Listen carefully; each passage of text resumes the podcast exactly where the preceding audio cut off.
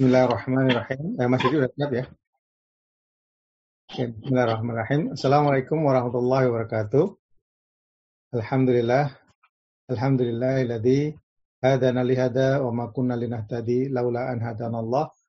Asyhadu an la ilaha illallah wa la syarikalah wa asyhadu anna Muhammadan abdu wa rasuluh.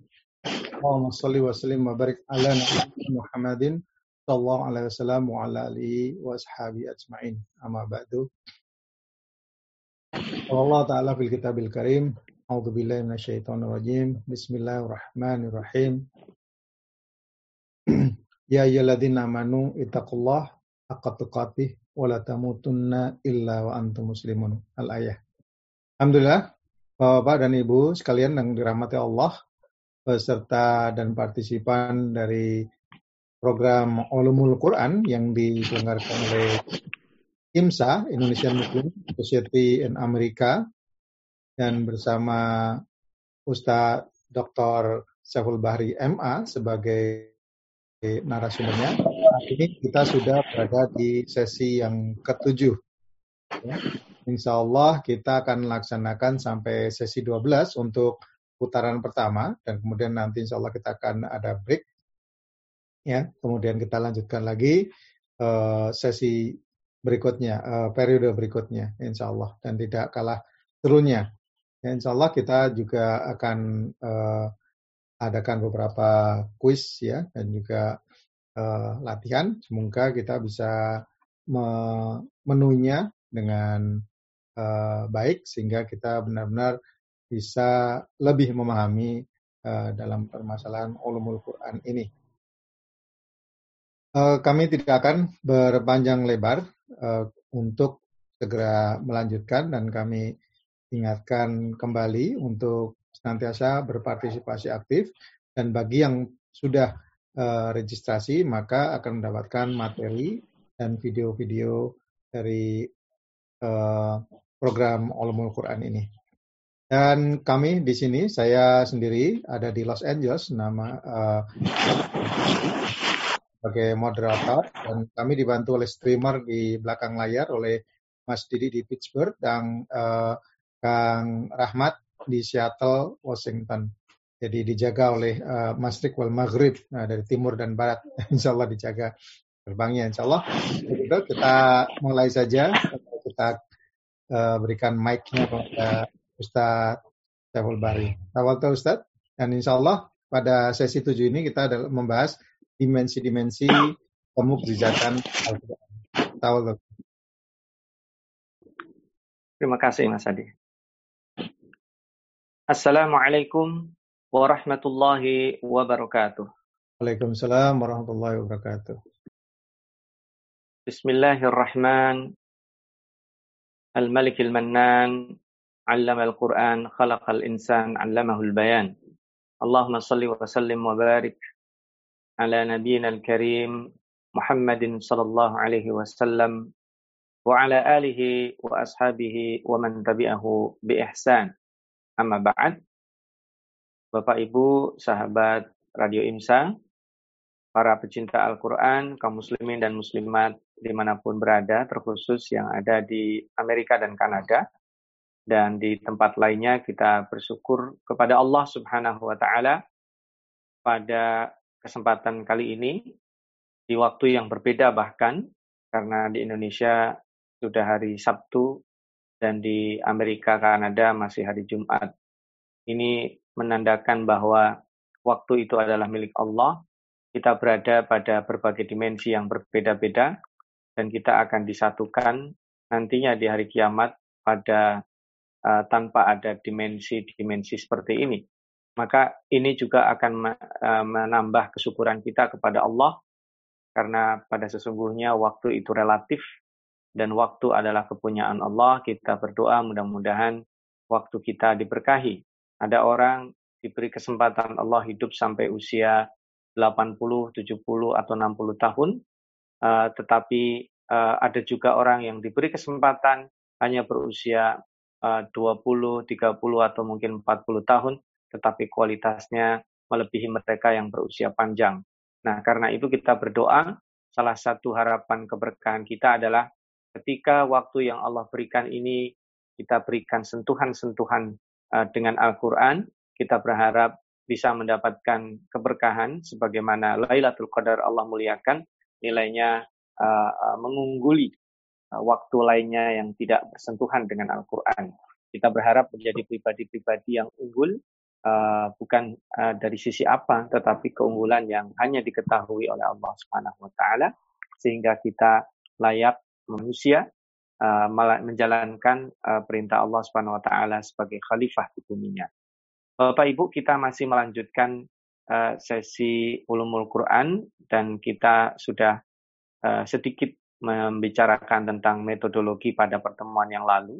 Sesungguhnya masih ada kontra metodologinya, artinya ada metodologi-metodologi yang uh, kurang cocok sebenarnya dipakai untuk uh, pendekatan pada Al-Quran Uh, tetapi uh, sementara waktu kita uh, skip dulu untuk itu, nanti next time kita bisa bicarakan, kita bisa diskusikan. Kali ini kita uh, mencoba menikmati satu uh, bahasan yang sebenarnya menantang karena akan mencoba mengupas beberapa hal terkait dengan uh, dimensi kemujizatan di dalam Al-Quran. Ini sebagai pengantar karena ada lima dimensi. Nanti mudah-mudahan di sesi kedua, jika Allah swt menakdirkan kita bisa melanjutkan, kita akan membahas lebih detail lagi.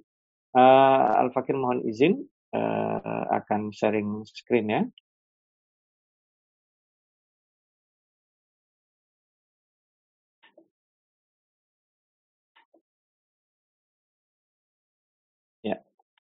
kita akan memulai dimensi kemujizatan Al-Quran yang akan kita bahas pada kesempatan kali ini, insya Allah ada lima. Sebagai prolog saja, bahwa eh, yang disebut dengan eh, mukjizat itu adalah eh, sesuatu yang diberikan oleh Allah Subhanahu Wa Taala kepada nabinya untuk membuktikan kebenaran risalahnya. Nah, ya dia bukan sekedar hanya menjadi SK kenabian, tetapi ini betul-betul menunjukkan bahwa orang yang melekat padanya mukjizat tersebut adalah orang betul-betul menjadi utusan Allah Subhanahu wa taala. Dan itu sangat wajar saya kira.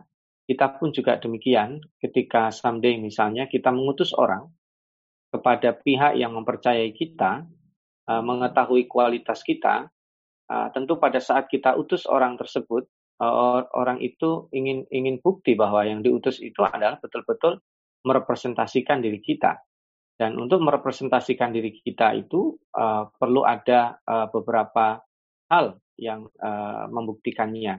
Itu dalam ranah manusia pun uh, wajar seperti itu. Apalagi ini Allah. Dia uh, mengutus uh, manu uh, manusia terbaik ya dan kemudian membawa risalah yang akan digunakan sebagai pedoman. Uh, nah, tetapi dimensi yang menariknya adalah mukjizat ini adalah untuk melemahkan para pendusta yang meragukan kenabian termasuk isi risalah tersebut. Nah, ya eh, kita akan sangat uh, menikmati ini betul betul menjadi luar biasa karena biasanya dimensi mukjizat Al-Qur'an itu uh, dimensi mukjizat para rasul itu hanya disaksikan oleh orang yang sezaman saja, dibuktikan oleh orang-orang yang yang melihat langsung, tetapi uh, kesulitan bagi orang yang datang setelahnya. Berbeda dengan Al-Quran ini, uh, dimensi mukjizatnya banyak, bisa jadi lebih dari lima, tetapi yang pasti dimensi yang paling menonjol adalah dimensi bahasa. Nah, nah sebagai prolog gini, ya al-mukjizat itu kan dari kata-kata ajaza. Ya, al-ajiz artinya tidak berdaya atau lemah. Lalu mukjizat ini lebih kepada al-ijaznya, artinya menonjolkan bahwa Allah melemahkan. Melemahkan ini para ulama berbeda pendapat. Ya, ada ya, yang yang mengatakan bahwa uh, para ulama ini mengatakan disebut surfah. Ya, surfah itu uh, adalah Allah menciptakan ketidakmampuan uh, terhadap manusia untuk membuat seperti halnya Al-Quran. Ini pendapatnya Mu'tazilah. Tetapi ini tidak mainstream. Yang mainstream adalah bahwa manusia sebenarnya diberikan kemampuan, tetapi uh, tidak akan sehebat-hebatnya manusia, tidak akan pernah sampai pada titik mereka mampu menyaingi Allah karena memang tidak padanannya. uh, agak sulit memang Al-Fakir menjelaskan begini. Kalau misalnya ada lomba lari, kemudian uh, saya sebagai uh, punya kompetitor, lalu kompetitor itu semuanya saya buat tidak berdaya. Misalnya saya tidak sportif lah gampangnya. Yang satu suruh mencederai kakinya, suruh apa, suruh apa, sehingga akhirnya saya keluar sebagai pemenang. Maka itu tidak sportif dan pasti tidak akan diakui oleh publik ya. Atau uh, uh, perlombaan yang tidak sepadan. Misalnya lomba lari tapi tidak dikelaskan. Saya sebagai orang dewasa yang berusia sedang luar biasanya, misalnya usia 20 yang sedang sedang hebat-hebatnya misalnya, sementara lawannya adalah anak-anak yang masih TK, masih kecil. Ya tentu orang tanpa berlomba pun orang akan tahu. Ya.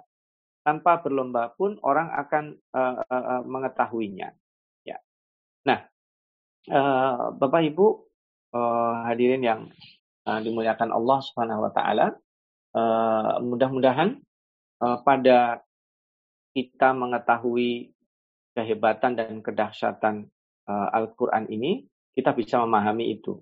Tidak tidak bisa disamakan dengan analog yang barusan Al-Fakir sampaikan, tetapi paling tidak uh, bisa dijadikan uh, sedikit untuk memahami kira-kira dimensi kemujizatannya seperti apa.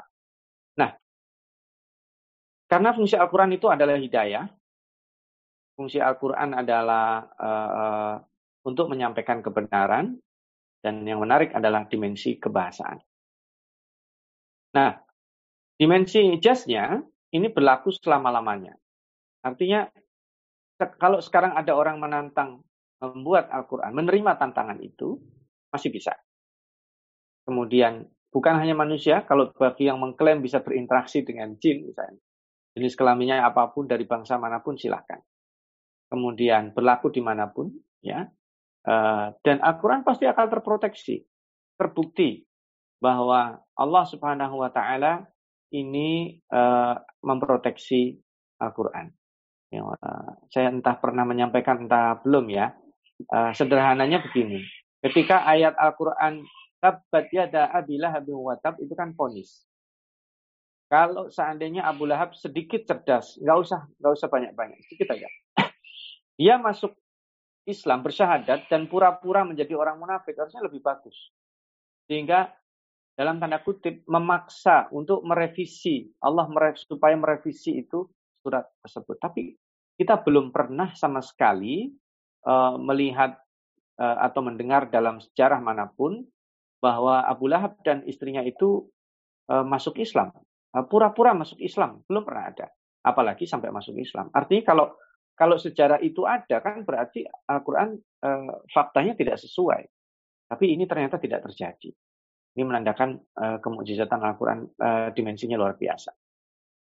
Dan eh, yang menarik adalah bahwa Al-Quran bisa dihafal. Dihafalnya itu bukan eh, apa maksudnya? Bukan dihafal seperti hanya yang lainnya. Ini kalau mungkin ada orang punya kecerdasan tertentu bisa menghafal itu uh, Sahih Bukhari, bisa menghafal Musnad Ahmad, tafsir Ibnu Katsir. Al-Fakir pernah pernah uh, melihat orang uh, dengan usia tertentu, tapi itu tidak semua orang diberikannya. Tapi kalau menghafal Al-Qur'an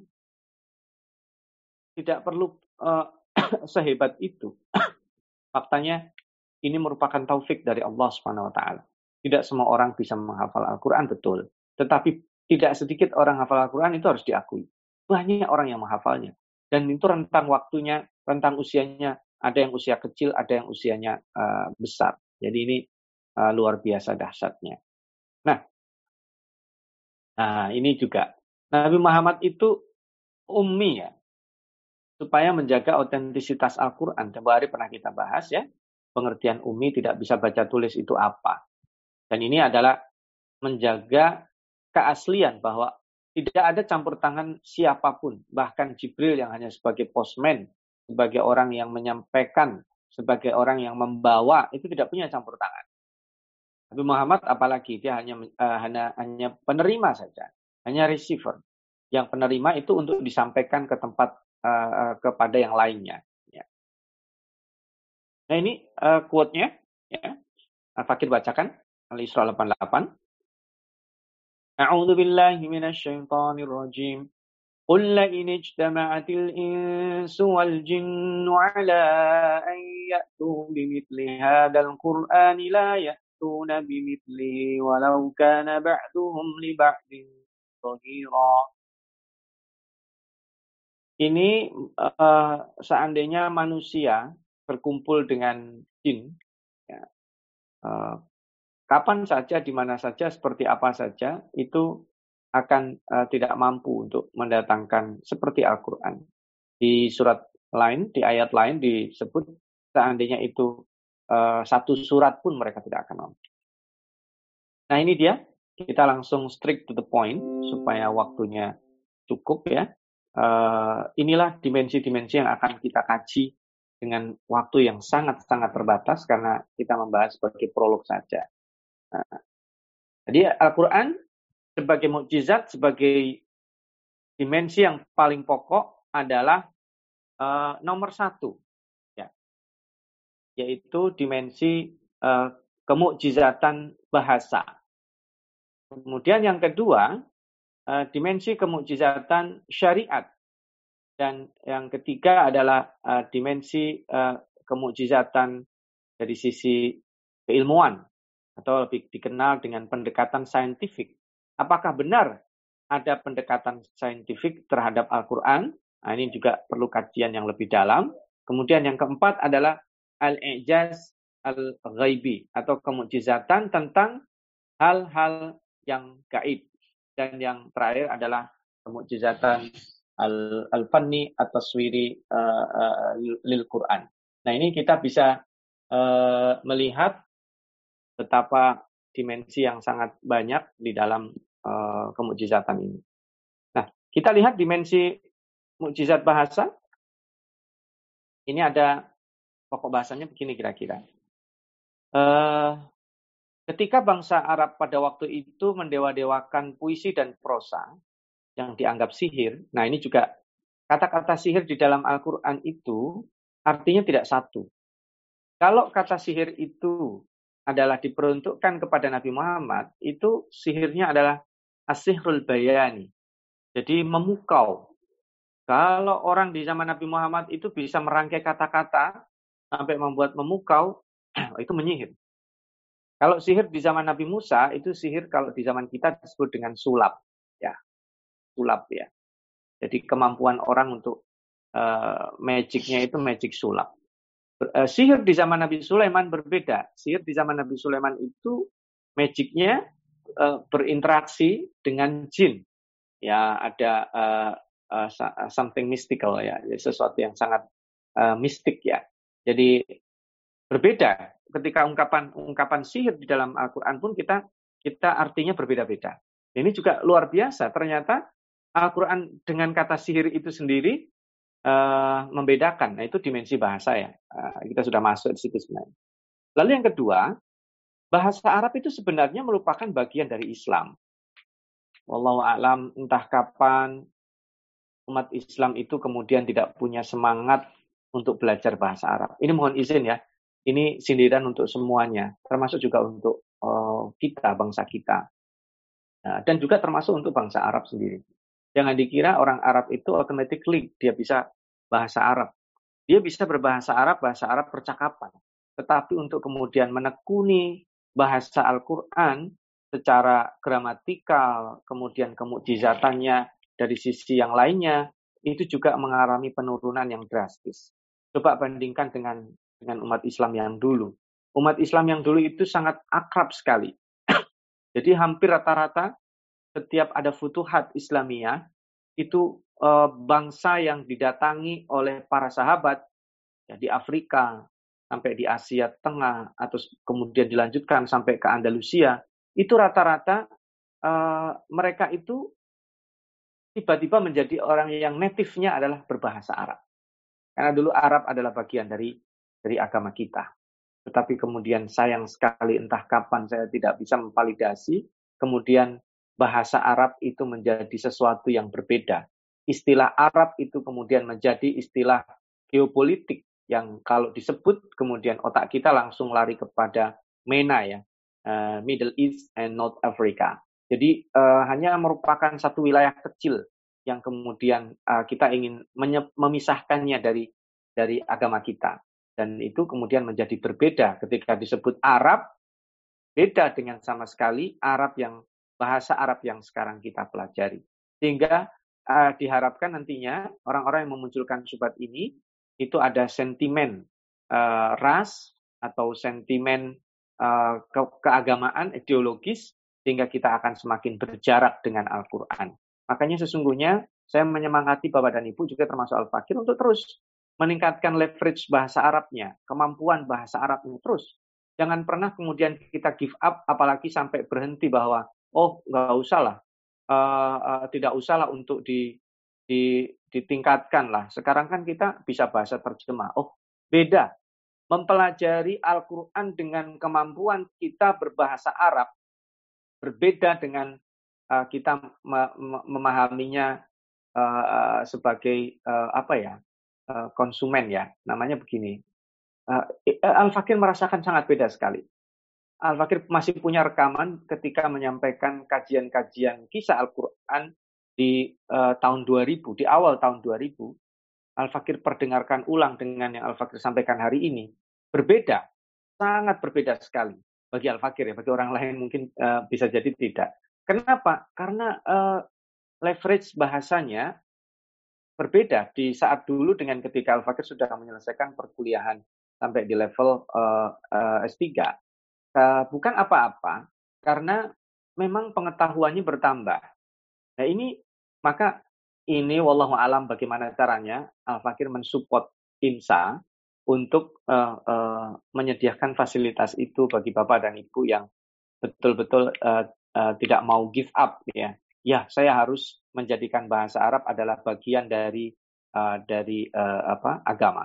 Kemudian yang menarik adalah tantangan ya. Kalau kita ditanya, apakah 100% isi Al-Quran itu bahasa Arab? Nah, ini orang sering terjebak di sini. Ternyata tidak.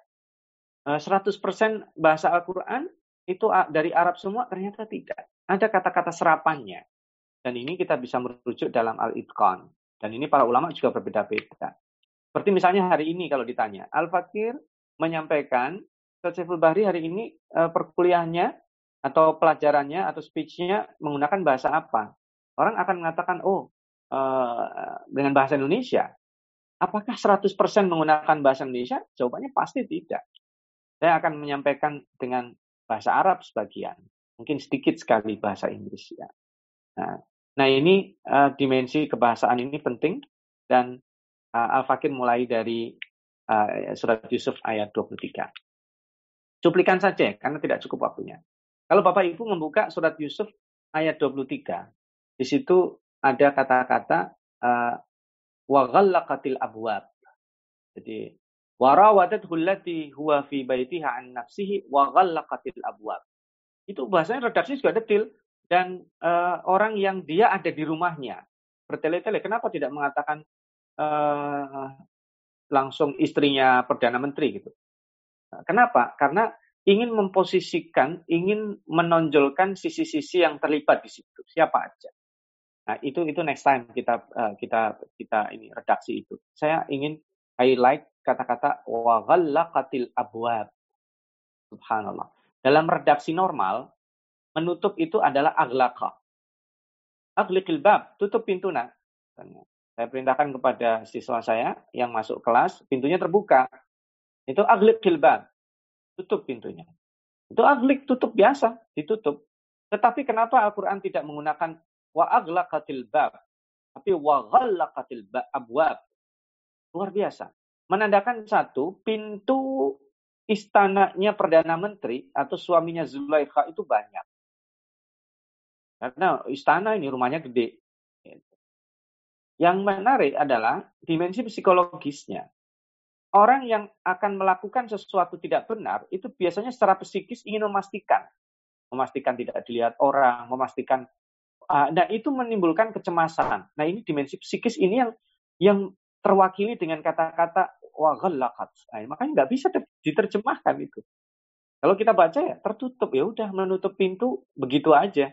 Tapi kalau kita memahami dahsyatnya dimensi kata-kata ghallaqa berarti nutup. Ini pernah Bapak dan Ibu alami pasti. Pernah nggak kita habis kunci pintu, kemudian pintunya kita tarik? Kan secara ini nggak masuk akal kan? Orang habis di, dikunci pintunya kalau kita tarik itu semata-mata ingin memastikan. Nah, orang yang sedang tidak melakukan keburukan aja kayak begitu. Apalagi orang yang akan paham bahwa itu sesuatu yang tidak baik. dipastikan. Atau bukan tidak baik, uh, untuk memastikan saja aman dari yang lainnya. Mohon maaf, jangan sampai kita salah persepsi juga. Seorang uh, pasangan suami dan istri, mohon maaf, mohon izin, dia kalau mau berhubungan suami istri juga harus memastikan. Pintu kamarnya tertutup. Dan itu memastikannya biasanya nggak sekali. Dia oh ya tertutup. Anak-anak sudah uh, tidak tidak ada. Jadi sangat private antara suami dan istri. Nah ini uh, jadi ada dimensi wa banyak sekali tafsiran dari kata-kata ghalaqa ini uh, sangat luar biasa. Yang kedua ada levelisasi istilah. Juga dasar ada istilah zakat yang wajib ada sedekah dan infak, dan ada yang menarik adalah kordon hasana. Subhanallah. Ya, siapa yang dalam surat Al-Muzammil 20, wa akridullah kordon hasana. Pinjemin Allah dong. Atau man di yukridullah kordon hasana. Siapa yang meminjami Allah? Subhanallah. Emang kita siapa minjami Allah?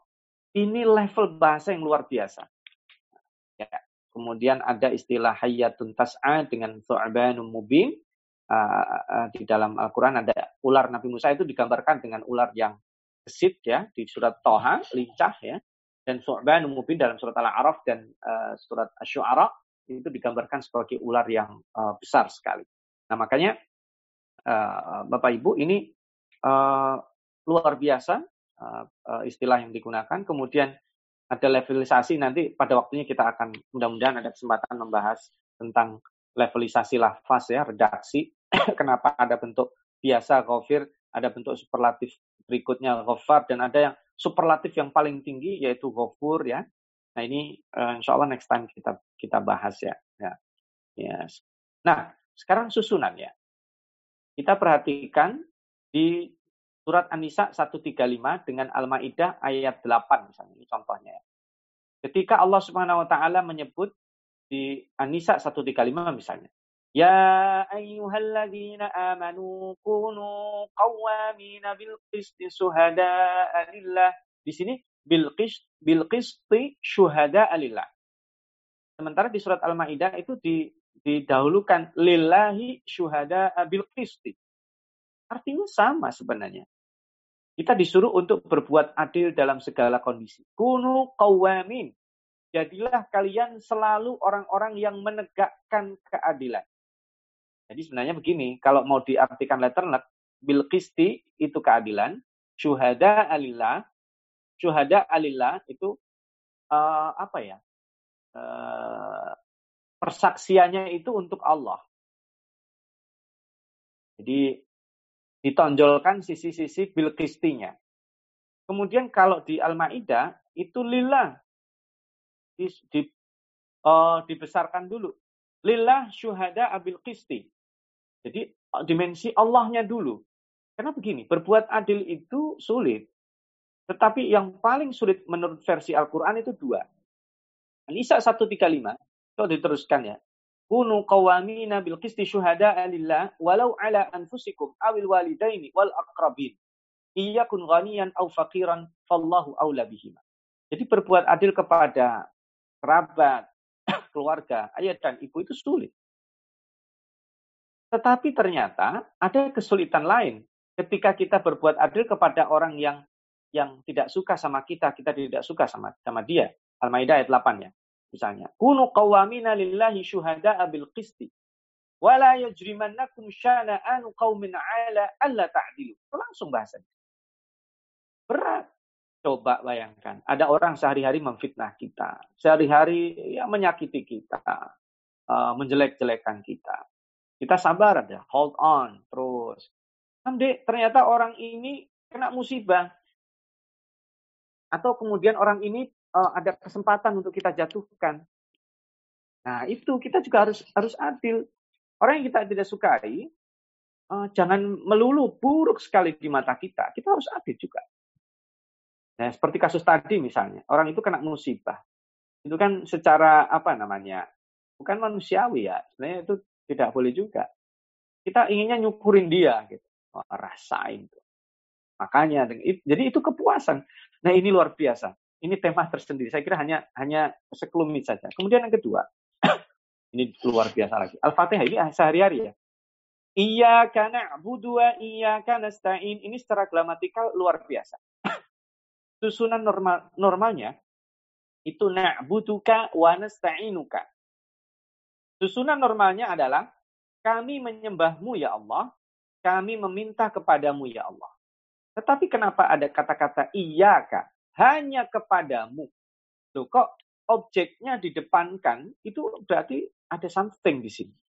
Faktanya kalau Allah memberikan redaksi misalnya, na'buduka wa nasta'inuka, itu khawatir kalau kita menyembah Allah dalam kondisi normal. Itu pada waktu yang lainnya bisa jadi kita menyembah uh, tidak hanya kepada Allah. Bisa menyembah atasan, bisa menyembah materi, menyembah jabatan, karir, dan seterusnya. Tapi kalau di close, mohon maaf, iyakah hanya kepadamu, maka aman. Karena objeknya. Hanya kepadamu kami menyembah, kami mengeluh, kami mengadu. Itu dahsyat sekali. Dimensi iya karena butuh, iya karena stain itu bahasanya uh, uh, yang digunakan luar biasa. Fokus kepada target, fokus kepada Allah. Kalau dibalik kami menyembah Allah, dikhawatirkan menyembah yang lainnya. Dan kata-kata yang dipilih, iya karena Abu dua, iya karena stain.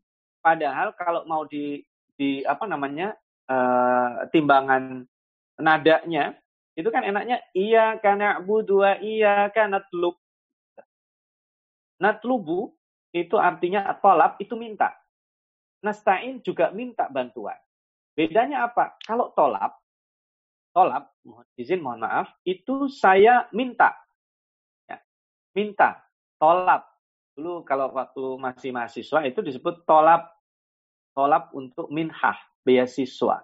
Jadi me, meminta mengajukan tolak, mengajukan permohonan beasiswa. Ya. Nah, itu kan uh, artinya nggak punya modal. Saya meminta, betul-betul meminta. Tapi kalau al-isti'anah itu bukan hanya minta.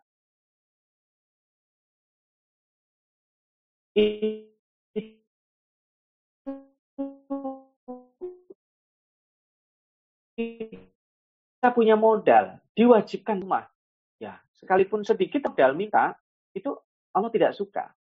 Agak sulit saya menjelaskan. Begini, uh, gampangnya begini, saya mau bangun rumah, tapi nggak punya modal, itu minta namanya. Minta-minta. Artinya orang akan mencibir. Kok, kok mencibir? Iyalah, eh, Anda belum layak punya rumah. Gitu. Kalau belum belum layak, ya nggak usah bikin. Tapi kalau kita punya modal dan modalnya dipastikan kurang, itu disebut al-isti'anah. Al-isti'anah itu ada musyarakah. Uh, ada al-isti'anah itu minta bantuan tetapi kita punya modal. Ya, modal itu jangan dipahami hanya modal materi ya. Dan ini dasar sekali. Allah itu ingin, ya Allah aku ingin pintar, ya belajar. Gitu. Nggak ada ya Allah, aku ingin pintar. Tapi dia diam aja, baca nggak mau, belajar nggak mau, tapi aku ingin seperti ini seperti ini ya Allah bisa nggak saya langsung jadi jadi profesor bisa nggak saya langsung bisa tahu semuanya bisa nggak ya Allah saya hafal Quran nah ini menarik. Ah ini contohnya hafal Quran. Bapak dan Ibu merasakan kesulitan hafal Quran? Coba aja. Nanti Allah yang akan menolong memudahkan. Makanya kita jangan menjudge orang. Ah dia mah nggak mungkin hafal Quran. Nggak bisa. Iya karena budua iya karena stain. Al-isti'anah, dia punya modal. Apa modalnya? Usaha. Tanya Allah yang melengkapi. Seberapapun modal kita, dengan kata-kata iya karena butuh iya karena stain itu luar biasa. Uh, Al-Fakir skip saja, masih ada dimensi lainnya. Oke, okay, dan seterusnya. Oke, okay, ini keserasian, ini mungkin lebih tepatnya uh, handout sudah saya serahkan. Uh, itu untuk uh, untuk apa kita nikmati saja atau dijadikan soal di apa namanya Al Fakir punya ensiklopedi soal-soal itu saya Al-Fakir ambil dari situ. Misalnya dalam Al-Quran ada surat yang diakhiri hurufnya non semua, ada yang diakhiri hurufnya dal semua, sin semua, lam dan seterusnya. Ya. Nah ini juga dimensi kebahasaan lain. Ketika Allah Subhanahu Wa Taala menyebut di dalam surat Ali Imran surat uh, ayat 59 Inna mathala Isa indallahi kamathali Adam. Itu Adam dan Isa itu hampir mirip karena penciptaannya tidak seperti halnya penciptaan umumnya manusia. Umumnya manusia itu diciptakan ada ayahnya, ada ibunya. Tapi kecuali uh, jadi empat, empat, empat, empat penciptaan manusia ya, uh, ada yang umum seperti kita, ada yang dia nggak punya bapak, tapi hanya punya ibu, Nabi Isa. Dia punya uh, punya ibu, uh, punya bapak tapi nggak punya ibu.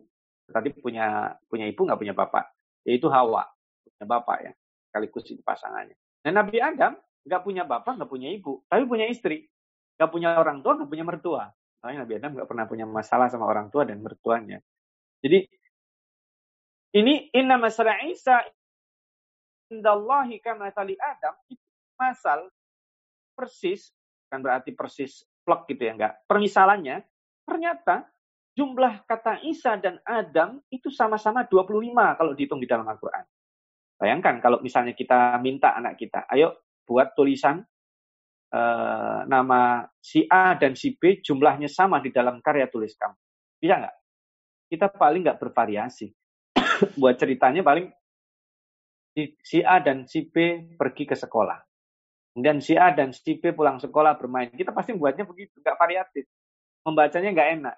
Tapi lihat, dengan berbagai macam tempat di dalam Al-Quran, itu kalau istilah kata-kata Adam dengan kata-kata Isa dikumpulkan persis jumlahnya 25. ini luar biasanya Al-Quran.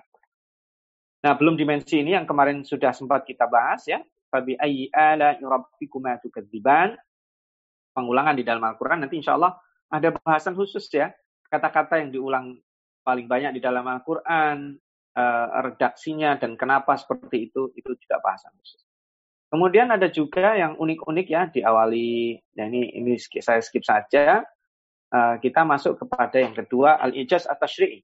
Jadi Al-Ijaz atau Syri'i di dalam Al-Quran itu, kenapa ada syariat di dalam Al-Quran itu wadih, jelas. Syariat kita tidak abu-abu kemudian mudah, kemudian ada tadarruj ya, bertahap dan applicable. Ini uh, Bapak dan Ibu yang ada di Amerika dan Kanada hari ini dan di musim summer di bulan Ramadan, uh, someday dia akan dibalik bahwa uh, Ramadannya akan akan uh, ada di Ramadannya akan ada di uh, bulan uh, bulan-bulan winter. Ini menandakan bahwa puasa itu applicable. Kita nggak ngebayangkan kalau seandainya pelaksanaan puasa itu seperti pelaksanaan sholat menggunakan kalender matahari. Puasa menggunakan kalender bulan karena ada hikmahnya. Allah Maha tahu. Karena kalau puasa menggunakan kalender matahari, maka yang yang di tempat tertentu itu akan akan sengsara terus, di tempat tertentu akan mudah terus. Bapak dan Ibu, kalau misalnya Ramadannya pas summer, misalnya katakanlah, oke Ramadan di bulan Juni dan Juli. Uh, wah berat itu bagi orang-orang yang ada di kutub utara dan enak itu bagi uh, uh, bapak dan ibu yang ada di kutub selatan di Australia dan seterusnya. Nah makanya ini menggunakan uh, menggunakan kalender matahari dan bulan. Sholat menggunakan matahari karena tidak berubah. Uh, puasa menggunakan kalender bulan karena luar biasa ini applicable. Kemudian berlaku di mana saja tadi itu dan sifatnya jelas dari Allah Subhanahu wa taala. Ini tempo hari pernah kita bahas ya tentang puasa al-fakir skip ya. Ya, puasa itu bertahap. Awalnya mudah untuk siapa aja. Kemudian yang kedua sulit sekali karena malam hari kalau mau makan, mau berhubungan suami istri, nggak boleh tidur. Kalau udah tidur nggak boleh itu. Kalau mau sahur berarti harus begadang. Tapi karena ada penyebabnya, uh, seorang sahabat yang uh, tidak bisa saking miskinnya nggak bisa buka, kemudian dia minta uh, istrinya yang menawarkan untuk mengambil makanan dari orang tuanya, tapi ketika kembali dia sudah tertidur sehingga nggak bisa makan, maka kemudian dia uh, tidak bisa buka hari itu, tidak bisa uh, sahur untuk puasa berikutnya, dan dia pingsan dilaporkan kepada Rasulullah, itu pemicu saja. Kemudian datang penyebab utamanya, Umar bin Khattab mengadukan kepada Rasulullah dia berhubungan suami istri di malam bulan, bulan Ramadan itu awalnya dilarang, uh, lalu kemudian turun ayat 187 uh, eh, surat Al-Baqarah. Ini pernah kita bahas ya. Nah, yang berikutnya adalah pengharaman riba. Ini juga menarik. Pengharaman riba itu nggak langsung strict ya. tetapi ada empat tahap. Pertama, riba itu diberikan sindiran. Ya, orang yang dapat kekayaan dari riba itu uh, uh, bahasanya itu nggak bertambah lah. Sekalipun nominalnya bertambah. Bisa jadi dia punya kekayaan di angka 100, 200 dan seterusnya, tapi kebutuhannya banyak juga. Tapi kalau ada uh, orang bermuamalah dengan tidak riba, bisa jadi dia angkanya di 50, tapi kebutuhannya sedikit sehingga ada margin lebih misalnya atau berkah. Ya. Kemudian yang ketiga, uh, yang kedua, sindiran tajam. Allah tidak suka orang Yahudi. Nah, salah satu ketidaksukaan Allah itu penyebabnya adalah mereka berinteraksi dengan riba. Kemudian yang ketiga, pengharaman riba itu uh, berlaku untuk yang berlipat-lipat. Uh, la ta'kulu riba ad-da'afan yang berlipat-lipat tidak boleh. Kalau sedikit itu boleh. Tapi ketika sudah sudah berlaku beberapa saat, orang sudah siap, yang berlipat-lipat tadi sudah tidak boleh, maka sudah saatnya Allah mengharamkan secara final. Ya, wadaru ma minar riba. Jadi sekalipun cuma satu sen, kalau itu akadnya riba, tinggalkan. Nah itu. Nah, ini kemudian pengharaman khomer, ya. Ini juga uh, ada bertahap. Nah, ini tentang nusus dan poligami. Nah, ini kalau saya bahas bisa nggak cukup waktunya. Next time saja sebagai sebagai uh, ini saja. Uh, kalau membahas poligami dan nusus itu tidak boleh berpisah menurut Al-Faqih. Harus disatukan karena ayatnya bersinggungan. Ya, membahas poligami bagi para bapak-bapak jangan hanya di highlight ayat 3. Biasanya kalau yang di highlight ayat 3 itu pun dipotong, tidak dibaca dari depan karena itu bercerita, mohon maaf.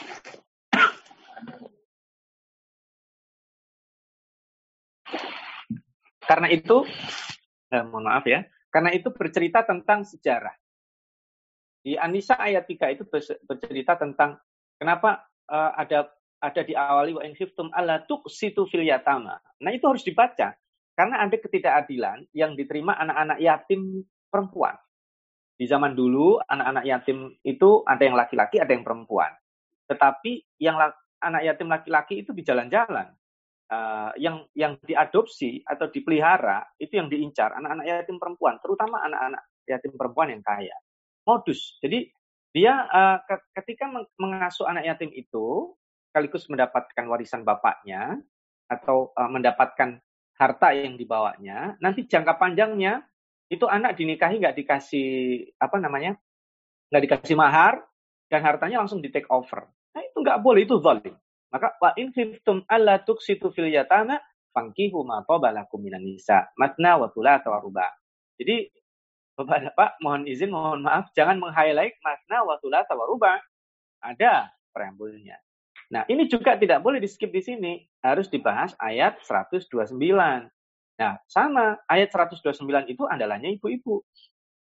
Nah, walan tastati'u bainan nisa, enggak akan bisa orang berlaku adil. Nah, ini ibaratnya perdebatannya di situ. Padahal sebenarnya 129 dengan ayat 3 itu kasusnya case-nya berbeda. 129 itu case yang muncul akibat nusus. Nah, pembahasan nusus itu juga nggak bisa dipisah antara ayat 34, 35, dan 128 sampai 130.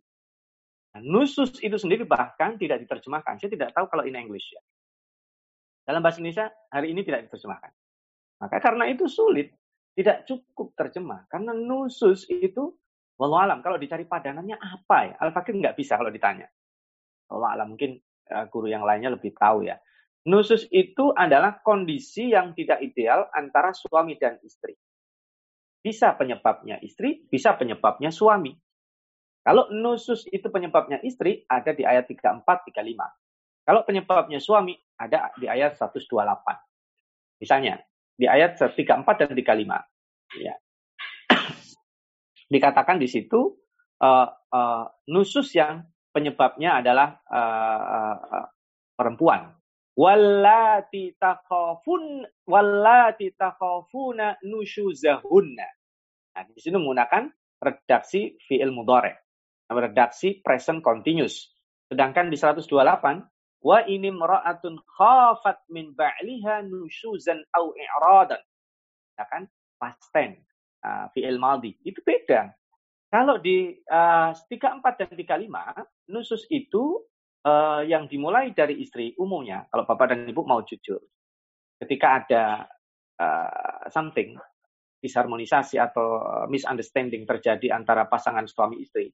Dan ini kejadiannya akan berulang. Itu kalau mau jujur, yang yang lebih sering menjadi sebab siapa? Nah ini sudah pertanyaan bias ini nanti saya bisa di, di, diprotes orang. Kalau mau jujur biasanya adalah dimulai dari ibu-ibu. Nah, karena itu di situ disebut walati takofuna. Itu berkelanjutan present. Tapi biasanya itu faktornya pemicunya kecemburuan yang paling dominan. Biasanya. Hal-hal yang kecil akan berulang-ulang seperti itu, tapi itu ringan. Karena itulah di ayat 35 Allah mengatakan, kalau mereka itu uh, tidak bisa, ya fada'asu hakaman min ahlihi wa hakaman min ahliha. Ya datangkan dong mediator antara keduanya. Ini perwakilan perempuan, ini perwakilan laki-laki sebagai suami istri iyurida islahan yuwafiqillahu bainahuma. Kalau mereka ingin ingin baik ya selesai. Dan Allah tidak memberi opsi kalau nggak bisa gimana? Biasanya kalau namanya terjadi perselisihan atau misunderstanding atau disharmonisasi, hanya mereka berdua saja, tidak ada pihak ketiga, selesai biasanya. Dan itu akan berulang-ulang. Bisa jadi penyebabnya laki-laki. Tetapi umumnya, kalau mau jujur, kecemburuan itu uh, yang dominan adalah ibu-ibu karena memang tidak ada hadis menyuruh cemburu ibu-ibu. Yang kalau saya disuruh dia mereka akan cemburu secara automatically. Kalau laki-laki ada istilah use karena laki-laki bisa jadi tidak cemburu. Dan laki-laki yang tidak cemburu itu dia tidak mencium bau surga. Ya. Kalau ada eh, laki-laki uh, membiarkan istrinya mengumbar aurat, uh, melakukan maksiat, dia tidak tidak bisa mengingatkan, tidak mencium bau surga. Nah, nanti khawatir bahasanya berubah, Al-Fakir skip di situ ya. Nah, beda dengan 128. Wa ini mera'atun khafat min ba'liha nusuzan. Ketika seorang perempuan khafat, pasti terjadi, tidak berulang-ulang. Ya, sudah pasti terjadi. Bisa jadi berulang-ulang memang, tapi khafat ini sekali aja, tapi besar tingkatannya. Nusuzan diperjelas oleh Allah au i'radan. I'rad itu berpaling. Mohon izin, mohon maaf. Kalau seorang laki-laki berpaling dari istrinya itu berpaling ke mana? Tak mungkin dong berpalingnya ke tembok, berpalingnya ke handphone, berpalingnya ke mana? Berpaling ya ke perempuan yang lain. Nah, itu kok tiba-tiba di ayat 129 berubah. Di 128, wah ini mero'atun itu satu perempuan. Di 129, tiba-tiba berubah. Walan tastati'u an ta'dilu bainan nisa. Ini luar biasa. Artinya apa? Nah, ketika ada seorang laki-laki, dia uh, berpaling kepada perempuan lain, ya, ya kalau mau mau gentle, nikahin perempuan itu. Artinya apa? Poligami, gitu. Wah, semudah itu. Nah, itu dia ada persyaratannya tidak mudah. Artinya gini, membahas poligami, membahas perceraian, itu di dalam Al-Quran dibahas secara soft, terbuka, uh, uh, open, transparan. Artinya itu uh, dibahas sebagai case. Tidak semua laki-laki menginginkan, tidak semua laki-laki menginginkan poligami. Yang menginginkan belum tentu mampu. Yang mampu belum tentu melakukan. Jadi sebenarnya kalau membicarakan itu, ibu-ibu nggak perlu cemas. Uh, demikian juga bapak-bapak kalau membahas itu jangan terlalu menggebu-gebu. Gitu. Oke, saya skip di sini. Nah, ketika kata-kata itu ada di ayat 130, kenapa? Wa iya tafarraqa yugnillahu kullam min saati. Kalau mereka itu berpisah, yugnillahu kullam min saati. Karena pada faktanya, kalau mereka berdamai bagus. Tapi ada opsi untuk berpisah bercerai. Itu fakta yang terjadi. Ya, kalau laki-laki berpaling pada perempuan lain itu biasanya biasanya ada opsi untuk sampai kepada peristiwa perceraian. Karena ini nusus ada ada pihak ketiga yang masuk sekali lagi Al-Fakir tidak mau mengatakan ini poligami sebagai uh, pemicu tidak, tetapi uh, uh, orang ketika laki-laki melihat yang lain dan ini terjadi sebaliknya, tapi itu biasanya tidak tidak tidak wallah alam kalau di uh, dibuat uh, apa namanya pendataan ya di di sensus misalnya atau dibuat uh, pertanyaan mana yang lebih banyak tetapi kalau menurut Al-Qur'an karena laki-laki uh, itu memandang perempuan beda perempuan memandang laki-laki. Mohon izin, mohon maaf. Kalau laki-laki kepada perempuan itu stabil. Zuyyina linnasi hubbus syahawati minan nisa. Sekalipun ayat itu bukan hanya untuk laki-laki.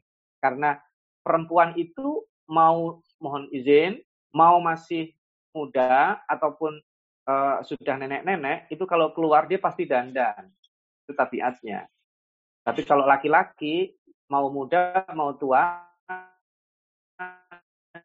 dia bisa cepat ya karena memang tabiatnya begitu. Nah, khusus untuk laki-laki kepada perempuan, dia mau 27 tahun atau 72 tahun, itu kalau melihat perempuan cantik, dua-duanya sepakat. Itu adalah perempuan cantik secara fisik ya, tidak secara yang lainnya. Karena Allah memberikan kestabilan itu. Berbeda laki-laki di, di mata perempuan, tidak. Dia tidak selama-lamanya melihat fisik itu.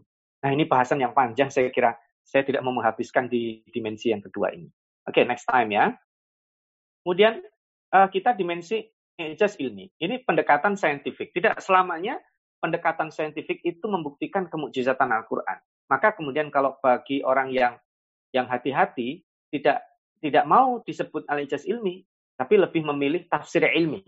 Jadi pendekatan saintifik, tafsir tafsir saintifik ya. Karena untuk dikatakan sebagai ijaz itu khawatir kalau patokannya adalah penemuan-penemuan uh, para saintis, itu nanti akan dibantah pada penemuan berikutnya.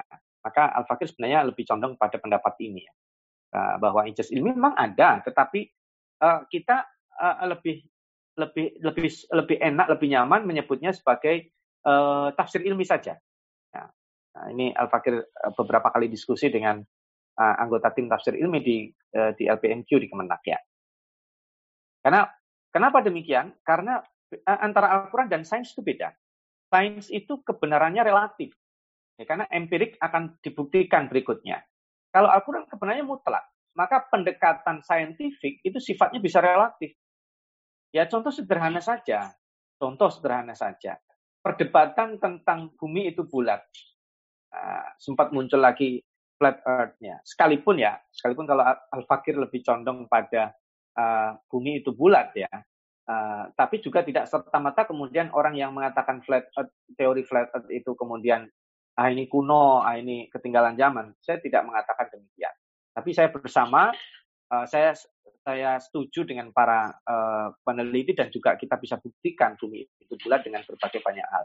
Artinya pendekatan saintifik itu uh, jangan terlalu kemudian kita tarik pada dimensi kemujizatan Al-Quran. Karena kita dalam pendekatan Al-Quran itu ada pakem-pakemnya. Nah khawatirnya nanti kita jadi cocokologi, cocok-cocokan. Itu, itu bahayanya. Uh, ini pro kontra Al-Fakir juga tidak bahas. Uh, handoutnya dibaca saja sendiri ya. Nah, ini contoh-contohnya. Nah, contoh-contohnya ini Al-Fakir pernah bahas juga tentang angka-angka. Uh, Nanti juga ada ada pembahasan khusus tentang angka-angka di dalam Al-Quran. Apakah itu angka eksak atau bukan. Nah ini terkait Ashabul Kahfi misalnya. Ketika redaksinya dimunculkan oleh Allah, wala bitufika fihim thalathami'atin sinina wazdadu tis'a 300 plus 9. Kenapa Allah tidak mengatakan strik misalnya 300 tahun atau 309 tahun? Ini uh, luar biasa. Karena apa? Uh, karena Allah ingin mengajarkan kepada kita bahwa 300 tahun itu dihitung dengan kalender matahari Januari, Februari, Maret, April dan seterusnya. Dan itu adalah sifatnya uh, konstan ya. Dan kalender yang sifatnya tidak konstan karena uh, jumlah harinya berbeda-beda ya, yaitu kalender uh, penanggalan bulan. Jadi kalau dihitung dengan kalender matahari Ashabul Kahfi itu berdiam di dalam guanya 300 tahun. Kalau dihitung dengan kalender bulan itu uh, eh, 309 tahun. Nah ini juga sama. Kalau Bapak dan Ibu ditanya misalnya, Bapak dan Ibu usianya berapa? Balik tanya aja. Mau dihitung pakai kalender apa? Kan keren. Nah, karena teorinya uh, begitu. Uh, mendekati 30 tahun itu plus satu ya atau per mendekati 30 tahun. Artinya kalau ada orang usianya hampir 60 tahun, itu dipastikan dia sudah 62 tahun. Karena ada plus 2-nya itu. Dan seterusnya. Atau ada istilah mawaki nujum, istilah relativitas waktu, istilah um, um, um, menyusui, dan lain-lainnya. Ini juga Al-Fakir uh, skip saja. Ini bandingan dalam teori relativitas waktu nanti kita bahas ya. Ini bandingan satu hari saja di dunia itu beda. Artinya matahari terbit ketemu matahari terbit lagi itu uh, umumnya 24 jam, tetapi itu di bumi saja. Di planet-planet lain Bapak dan Ibu bisa lihat di layar uh, di Merkurius misalnya itu perlu waktu 59 hari. Di Venus bahkan kerja sehari, libur sehari udah cukup. Makanya orang kalau sibuk tujuh hari nggak cukup itu pindah planet gitu. Kerja sehari, libur sehari cukup di planet Venus.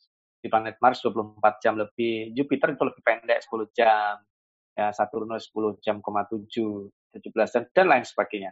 Ini artinya ini secara putaran waktu yang arti waktu betulan ya, belum yang waktu bagi pengantin baru dan orang baru masuk penjara itu juga beda dimen, lebih dimensi ketuk kualitas. Nah, insya Allah kita bahas pada waktu kajian-kajian tentang uh, itu ya. Kemudian tujuh langit ya, uh, kemudian lapisan bumi ya, kemudian apa uh, tentang zona pertemuan air tawar dan air air yang tidak tawar, air laut ya.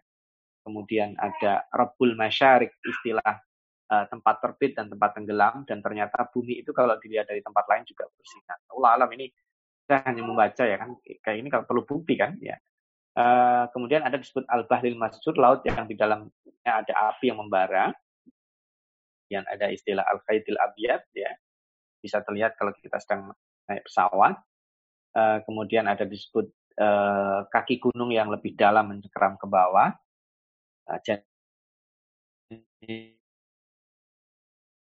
bisa ketawa ya kajian yang cukup menarik kemudian tulang manusia, uh, dan seterusnya. Ini kajian-kajian saintifik insya Allah uh, kita akan akan bahas uh, lebih detail ya. Kemudian al-ijaz al-ghaibi. Ini hal, hal yang bersifat gaib ya.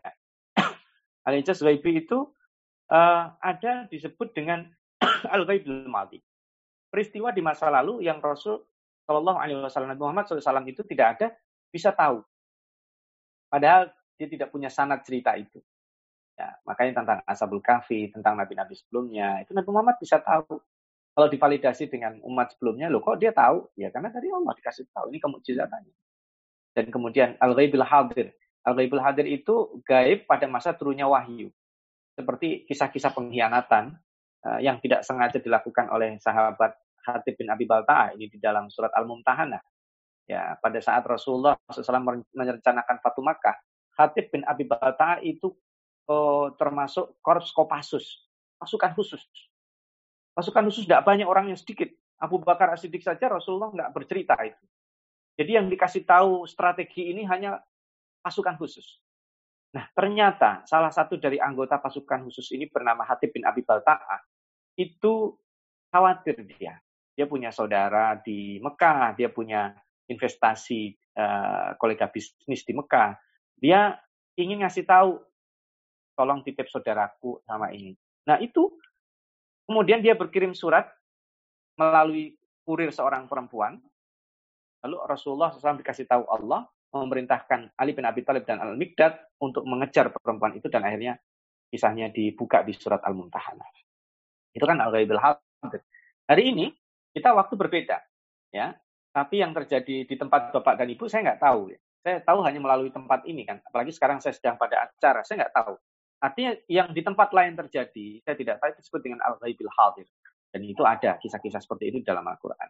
Ada juga al-ghaibil mustaqbal. Jadi sesuatu yang gaib yang belum terjadi dan ini pasti. Kalau al-ghaibil maldi itu uh, bisa dijangkau oleh manusia. Tapi al-ghaibil mustaqbali, jadi gaib-gaib yang belum terjadi itu hanya dikasih tahu oleh Allah. Uh, baik uh, terjadi ini pada turunnya patokannya pada turunnya wahyu ya. Fatu Makkah, kemudian kemenangan Romawi atas Persia dalam surat Ar-Rum, itu kan wawasan geopolitik yang diberikan kepada umat Islam. Dan ini menarik ya, pada saat sedang paceklik, sedang diintimidasi, sedang tidak berdaya, kok dikasih wawasan geopolitik, apa gunanya? Nah, insya Allah kalau ingin nanti Al-Fakir berikan linknya untuk uh, supaya tahu kajian tentang surat Ar-Rum itu sendiri, karena uh, waktu yang terbatas ya.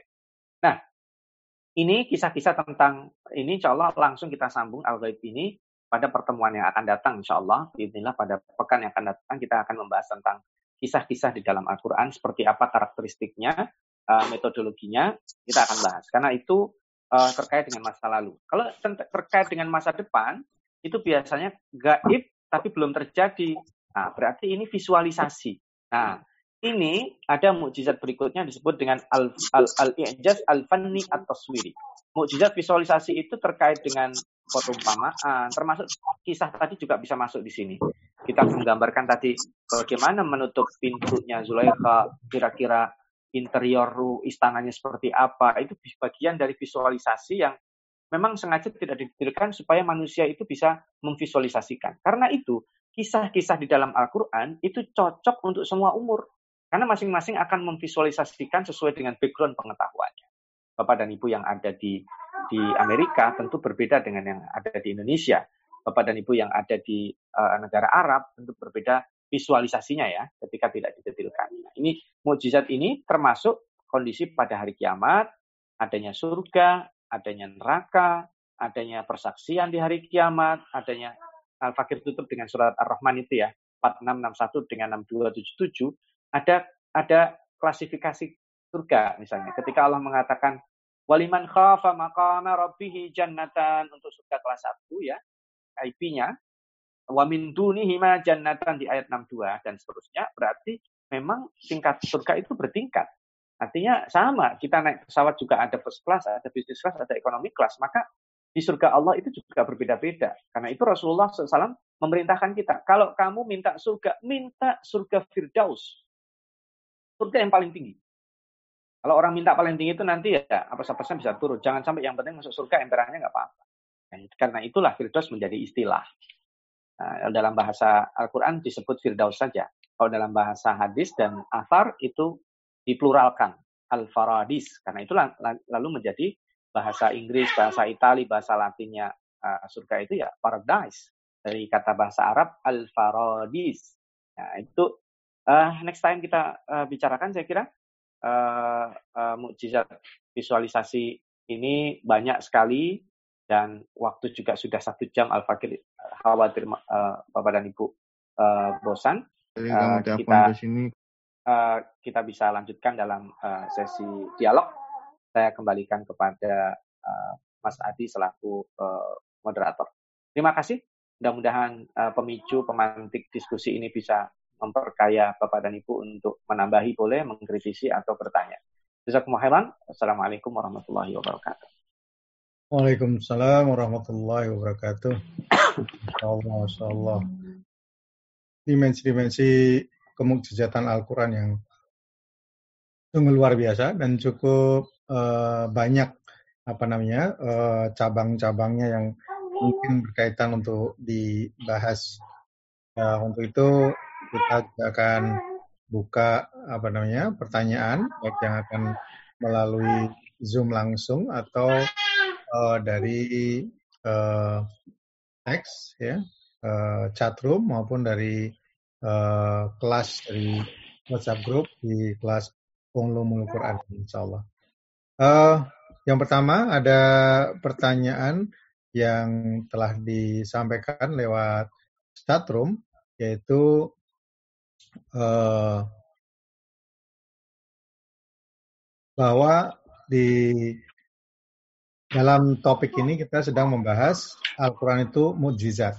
Nah, sekarang yang ditanyakan, Apakah ini statement Allah dalam Al-Quran atau hadis Nabi Shallallahu Alaihi Wasallam atau hasil analisa atau pengamatan ulama atau dari masing-masing individu untuk menentukan bahwa Al-Quran ini mukjizat. Itu Ustaz. Iya. Uh, kemarin uh, feedbacknya ya.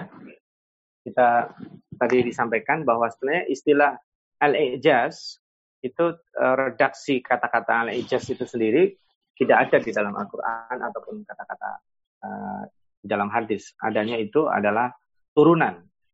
Nah, karena sesungguhnya uh, bahasanya yang disebut di dalam Al-Quran ataupun di dalam hadis itu bahasa tidak langsung. Ya, nanti Al-Fakir akan coba eksplorasi bahasa yang dekat dengan kata-kata mukjizat itu apa. Karena kan ini istilah ulumul Quran. Al-Quran sebagai mukjizat dan mukjizat itu apa uh, diambil dari turunan kata apa tadi kan sudah disampaikan secara sekilas ya istilah-istilah itu adalah dari istihad para ulama ya kalau uh, redaksi bunyi yang secara secara literal Al-Quran adalah uh, mukjizat kubro itu adalah simpulan dari para ulama. Nah, dari mana istilah itu? Nah, itu istilah berkembang dari ketika uh, teori ilmu nahu dan ilmu kebahasaan matang. Nah, dan ini uh, yang paling jadi rujukan itu ya Al-Baqilani, uh, ada Abdul Qahir Al-Jurjani, itu adalah para pendekar-pendekar yang memunculkan pertama kali istilah tentang itu. Itu kajiannya lebih dalam karena nanti uh, kajian kitab-kitab klasik itu agak rumit, selain memang bahasanya, itu uh, mereka mempreteli, mempreteli uh, huruf per huruf, kata per kata dan tentang uh, perdebatan teologis seperti surfah tadi itu nggak selesai loh. Perdebatan tentang kata-kata as-surfah memalingkan itu juga panjang karena itu biasanya al-fakir lebih memilih untuk tidak memasukkan itu dalam teks. Al-fakir sampaikan secara uh, uh, langsung saja karena kalau bapak dan ibu cari pasti ketemu itu. Apa itu as-surfah? Nah itu biasanya kalau uh, itu dikembangkan, Bapak dan Ibu artinya bisa bertanya-tanya loh, apa gunanya Allah menantang kita orang kita nggak mampu? Nah, nah artinya kan tantangan Allah jadi sia-sia, bukan. Nah, Al-Fakir singkatkan seperti yang tadi Al-Fakir sampaikan. Sebenarnya kita bukan tidak di, dikasih kemampuan, kita sudah dikasih perangkat, tapi perangkat ini memang tidak untuk membuat Al-Quran, untuk melaksanakan. Nah, tantangan itu lebih ingin membuktikan, bukan ingin membuktikan siapa siapa hebat, siapa tidak. Tidak. Mukjizat itu lebih uh, menekankan karena itu yang dipakai adalah al-ijaz, melemahkan. Kan tadi Allah nggak sportif, enggak. Ini untuk menunjukkan kelemahan kita. Karena kita lemah itulah, maka kita perlu panduan seperti Al-Quran. Nah, saya tidak ingin mengalihkan menjadi perdebatan teologis. Ya, kita supaya bisa menikmati lebih dalam lagi itu. Walau alam itu uh, sependek pengetahuan Al-Fatihah.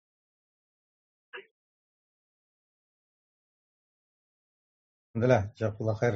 Atas jawabannya. Yang berikutnya adalah dari Ibu Iis Saputra. Assalamualaikum. Kalau tidak salah tadi saya dengar bahasa Al-Quran bukan semuanya bahasa Arab. Kemudian bahasa apa yang ada di dalam Al-Quran? Ya. Oh ini memang uh, agak bahaya kalau kepotong ya. Mudah-mudahan tidak terpotong ya. Jadi begini. Ketika Allah Subhanahu wa taala mengatakan Qur'anan Arabiyya uh, bahasa Arab, Al-Qur'an Al-Qur'an itu berbahasa Arab, itu bukan berarti 100 100% Al-Qur'an berbahasa Arab tidak. Karena pada perkataannya itu ada bahasa serapan yang lainnya. Maka ini juga rahasia mengapa Abu Bakar As-Siddiq juga Utsman bin Affan itu memilih Zaid bin Sabit yang dia orang Ansor. Artinya masuk Islamnya itu le, uh, lebih telat dibanding orang-orang muhajirin. Tetapi dipilih sebagai ketua tim penulis karena dia mengetahui banyak bahasa. Ada yang mengatakan Zaid bin Sabit itu mengetahui 16 bahasa. Dia mengatakan 17 bahasa. Uh, beliau luar biasa. Nah, kata-kata serapan yang ada di dalam Al-Quran itu diambil dari Persia, ya ada seperti al-qirtas, al-qistas itu bukan dari bahasa Arab.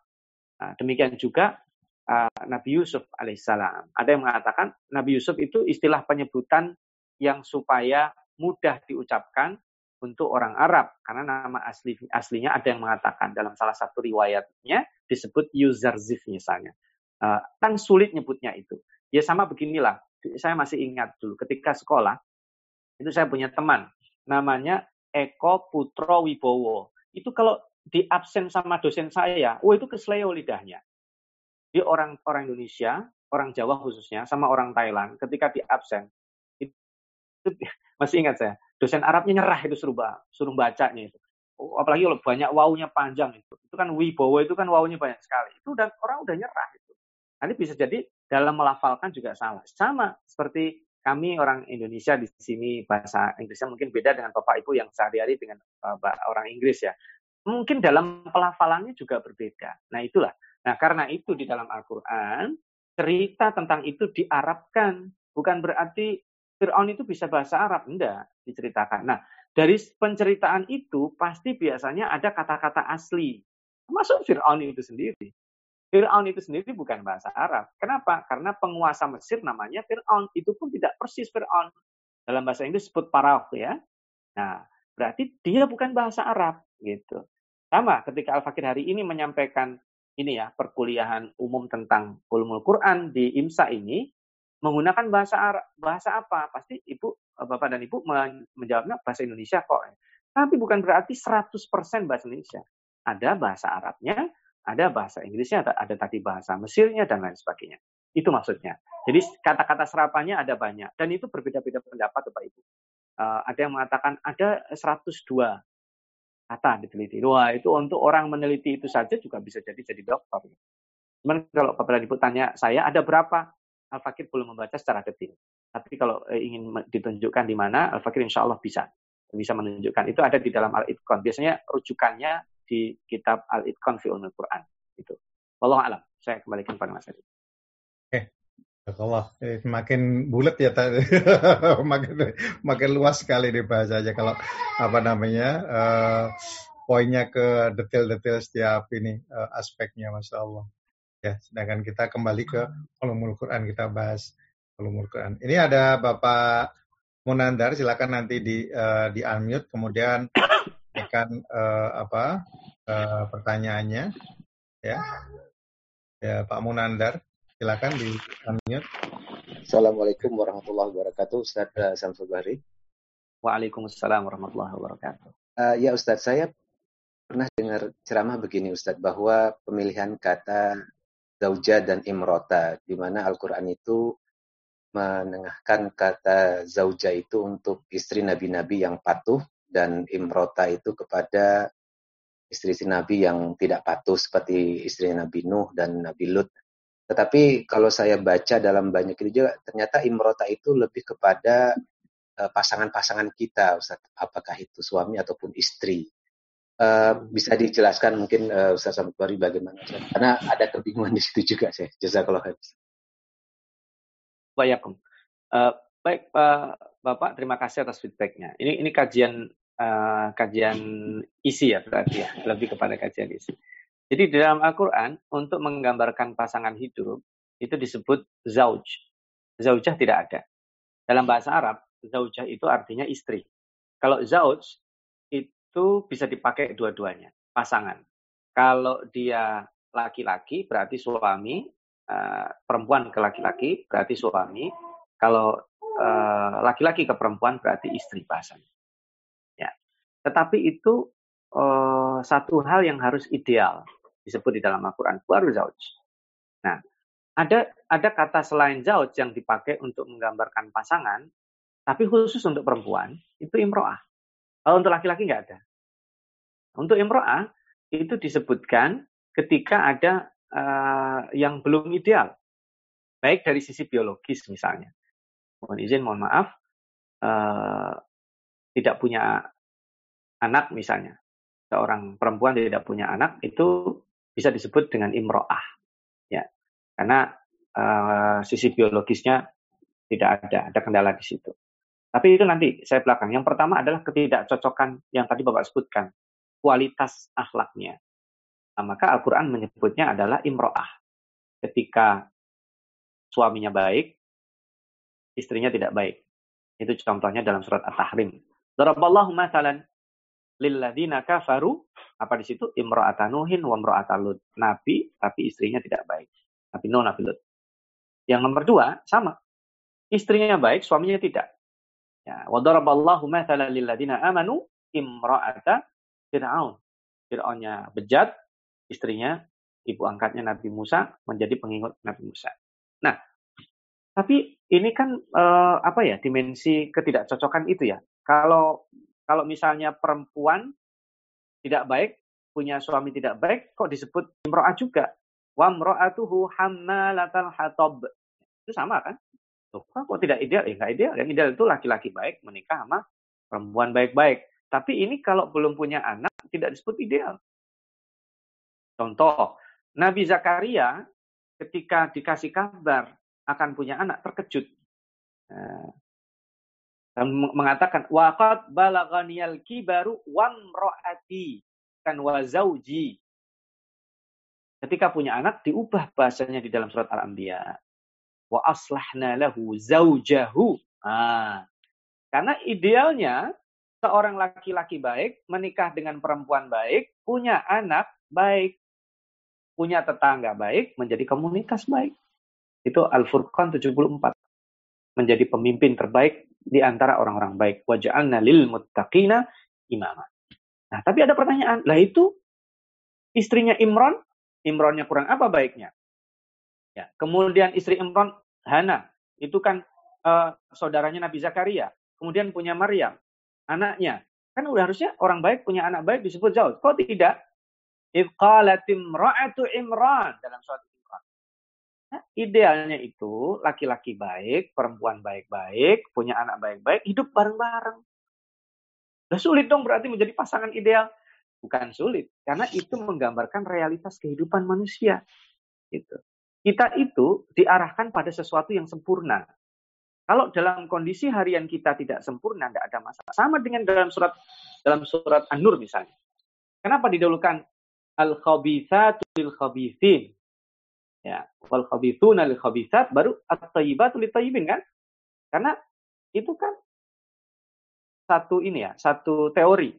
Harusnya laki-laki baik itu nikahnya sama perempuan baik-baik. Harusnya perempuan baik-baik menikahnya sama laki-laki baik-baik. Itu kan teorinya. Pada faktanya kadang tidak seperti itu. Nah ini ini Al-Fakir skip sampai di situ aja karena bahasan uh, bahasan tentang itu itu tema tentang uh, tentang langsung contoh-contoh kebahasaan yang memang sangat bahasa banyak sekali. Uh, itu salah satunya tadi pemilihan kata-kata zauj tapi yang paling banyak eh, justru yang terjadi bentuknya plural. Azwaj. Ya. Itu menarik ya. Dan ini mohon maaf, mohon izin ya. Kalau Al-Fakir belokkan sedikit, ini nanti bisa dilarikan pada uh, pada orang yang bahayanya orang tahu bahasa Arab tetapi dia punya misi itu ketika uh, nanti disebut itu untuk azwaj pasangan gimana kalau laki-laki dengan laki-laki atau perempuan dan perempuan nah itu juga ada something yang perlu dibereskan ya. Nah, dan tentu itu sensitif kalau di, di negara bapak dan ibu itu kan merupakan hak asasi, tetapi di bagi keyakinan kita itu uh, tidak dibolehkan. Nah itu itu kajian tentang uh, zauj dan pasangan. Saya kira itu Mas Adi. Jazakallah khair Ustaz. Alhamdulillah. Bisa bertanya. Bisa bertanya Ustaz. Ya, Ibu, ini ada ini uh, urutannya nih masih banyak yang bertanya nanti kasih kesempatan ibu ya. Allah silakan ngomong. Ini ada juga yang dari teks. Uh, ada dari Bapak Jangam di Bekasi mengenai uh, makna dari ma malakat yang ada di surat uh, Mukmin Al-Mu'minun ayat 6 ya. Ila ala azwajihim au ma malakat aimanum. Nah, ma malakatnya itu gimana maknanya Ustaz? Ya, ini pembahasan yang sempat memanas tempo hari ya terkait dengan uh, apa perbudakan ya. Kenapa sih sebenarnya dalam Al-Qur'an itu perbudakan tidak dihapuskan? Tadi sempat kalau di handout Bapak dan Ibu menerima handout itu ada disebutkan tentang uh, perbudakannya. Kenapa sedikit-sedikit itu uh, apa namanya kafarotnya itu memerdekakan budak. Pembunuhan termasuk juga ketika kita nazar atau berjanji itu kenapa ada tahrir raqabah Artinya Allah tidak ingin uh, Allah Allah yang memerintahkan untuk menghapus perbudakan. Tetapi sebenarnya manusia, manusia lah yang melakukan itu karena Allah cukup menyindir gitu. Nah, makanya ma malakat aimanukum itu berlaku di masa lalu.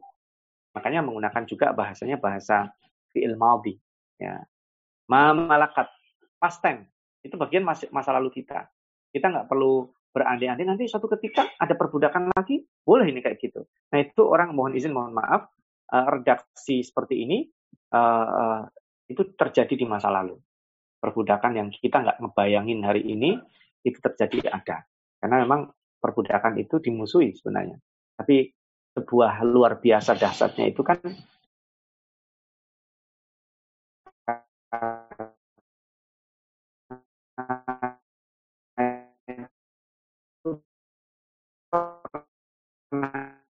dialami juga oleh Imam Hasan al-Bahar para budak untuk khutbah tentang keutamaan berminggu-minggu. Dan ketika setelah diapresiasi, tapi bertanya kok baru sekarang? Beliau kemudian mengatakan bahwa saya kan perlu modal, ngumpulin dulu, memerdekakan dulu, baru saya sampaikan keutamaan itu. Nama malakat itu kan memang dia, yang dia miliki. Dan itu juga ada aturannya. Betul sekali. Silakan Bapak, Bapak dan Ibu buka tentang fikih perbudakan di zamannya. Nggak, nggak sebebas yang yang kita bayangkan. Malakat tuh uh, mohon izin mohon maaf itu kalau dibaca secara vulgar kita bisa uh, uh, oh loh kok sahabat punya budak, kok nabi punya budak. Nah, itu bayangan kita berbeda yang dengan pada realita yang terjadi di zaman itu. Itu saya kira uh, singkatnya saja karena ini pembahasan yang lain ya. Kalau dari sisi bahasa ya uh, sudah past tense, sudah bagian dari masa lalu. Walau alam. Allah. Eh, kemudian Pak Jangka verifikasi bisa uh, memahami. Uh, untuk berikutnya, silakan Mas Ridho untuk unmute. Assalamualaikum Ustaz. Waalaikumsalam warahmatullahi wabarakatuh. Uh, Ustaz, saya mau tanya masalah yang tadi angka-angka itu, Ustaz, yang angka nomor 7 itu, misalnya langit itu. Kan banyak juga angka 7 ini digunakan di berbagai ayat uh, dan atau uh, agama juga ya, Ustaz. Uh, tawaf 7. Ya. Nah, ini apakah itu literal, I mean, uh, metaphorical kalau langit itu kadang-kadang orang yang ulama-ulama zaman dulu usaha me, ini Saturnus, Uranus, Jupiter jadi dibilang tujuh. Padahal kan lebih dari itu kan universe. Uh, gimana Ustaz pemahamannya yeah. itu atau apa maksudnya unlimited angka tujuh dalam bahasa Arab? Ya, sebenarnya di dalam uh, terima kasih Pak Ridho. Sebenarnya di dalam draft yang saya berikan kepada uh, IMSA ternyata ada di sesi kedua ya, masih jauh sekali. Ya singkatnya begini, angka di dalam Al-Quran itu tidak tidak semuanya eksak. Angka eksak di dalam Al-Quran, teori umum Quran, menurut yang Al-Fakir Fahmi dari beberapa referensi yang dibaca, itu yang eksak cuma dua. Angka satu dan angka pecahan. Angka satu dan angka pecahan itu eh, satu-satunya angka yang pasti eksak. Dan angka satu adalah angka paling banyak disebut di dalam Al-Quran. Nah, karena terkait dengan Allah. Esa. Ilahun wahid. Bukan ahad. Kalau ahad itu tunggal. Wahid. Satu. Paling banyak disebut dalam Al-Quran angka. Eksak. Satu ya satu. Nggak ada cabang atau eh, tiga dalam satu. Tidak ada. Empat dalam satu. Lima dalam satu. Tidak ada. Satu in one, three one. Tidak ada. Nah. Kemudian uh, uh, angka pecahan juga eksak terkait dengan warisan misalnya setengah, sepertiga, seperempat, seperlapan, seperenam itu eksak, tidak bisa ditakwil. Tapi bahwa kemudian ada tujuh, 10 termasuk tadi 300 tahun, 309 dan seterusnya. Itu belum tentu itu angka eksak. Nah, itu uh, adapun ditakwilkan itu tujuh langit. Nah, itu tafsirannya sampai hari ini tidak ada yang tahu. Apalagi sampai planet-planet uh, planet -planet itu dan jumlahnya saya kira lebih dari itu. Sudah tidak tidak relevan sekarang kalau ditafsirkan itu dan itu uh, ketika uh, penafsiran para ulama kita tidak mengatakan tidak relevan karena pada waktu itu pengetahuan karena itulah tadi saya sebut pendekatan saintifik itu relatif. Karena nanti kalau ada ada ada penemuan saintifik lainnya itu bisa jadi menafikan penafsiran itu kan. Ini, ini bahayanya kalau kemudian langsung kita kunci begini ya. Makanya itu yang debatable di di dalam pendekatan saintifik itu. Itu saya kira uh, sementara Allah alam uh, nanti insya Allah mudah-mudahan ada kesempatan lagi kita bahas apa saja sih angka-angka yang disebut dalam Al-Quran dan bagaimana pendekatannya dengan pendekatan saintifik. Itu singkatnya. Allah alam. Waalaikumsalam. Eh, Alhamdulillah. Uh, mudah-mudahan masih tidak puas, jadi nanti terus mengikuti uh, sesi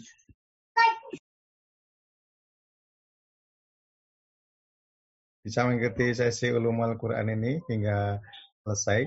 Uh, karena bahasanya akan terus uh, mengalir dan uh, mengarah ke apa yang sedang ditanyakan. Ini kita menuju ke Ibu Indra atau Pak Indra. Silakan kalau mau langsung ke Ustadz disampaikan. Kalau uh, langsung di unmute, kalau tidak bisa saya bantu bacakan pertanyaannya. Assalamualaikum. Waalaikumsalam. Waalaikumsalam warahmatullah.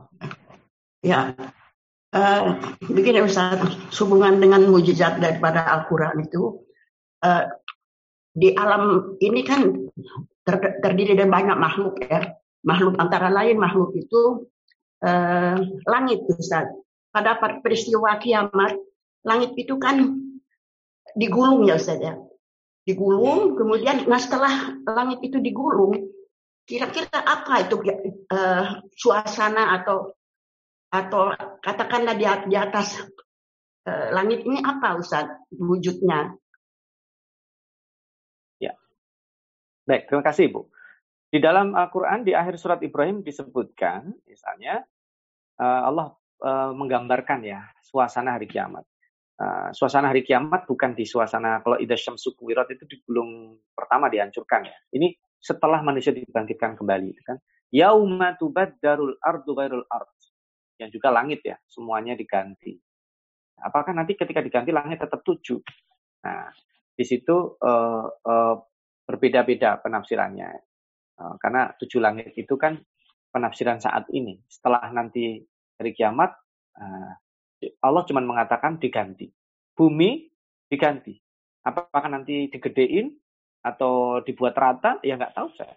Karena yang penting diganti aja. Kenapa? Karena itu nanti manusia dibangkitkan di bumi, bukan di planet lain.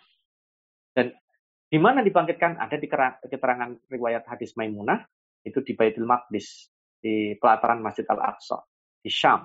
Makanya Syam itu menjadi orbit.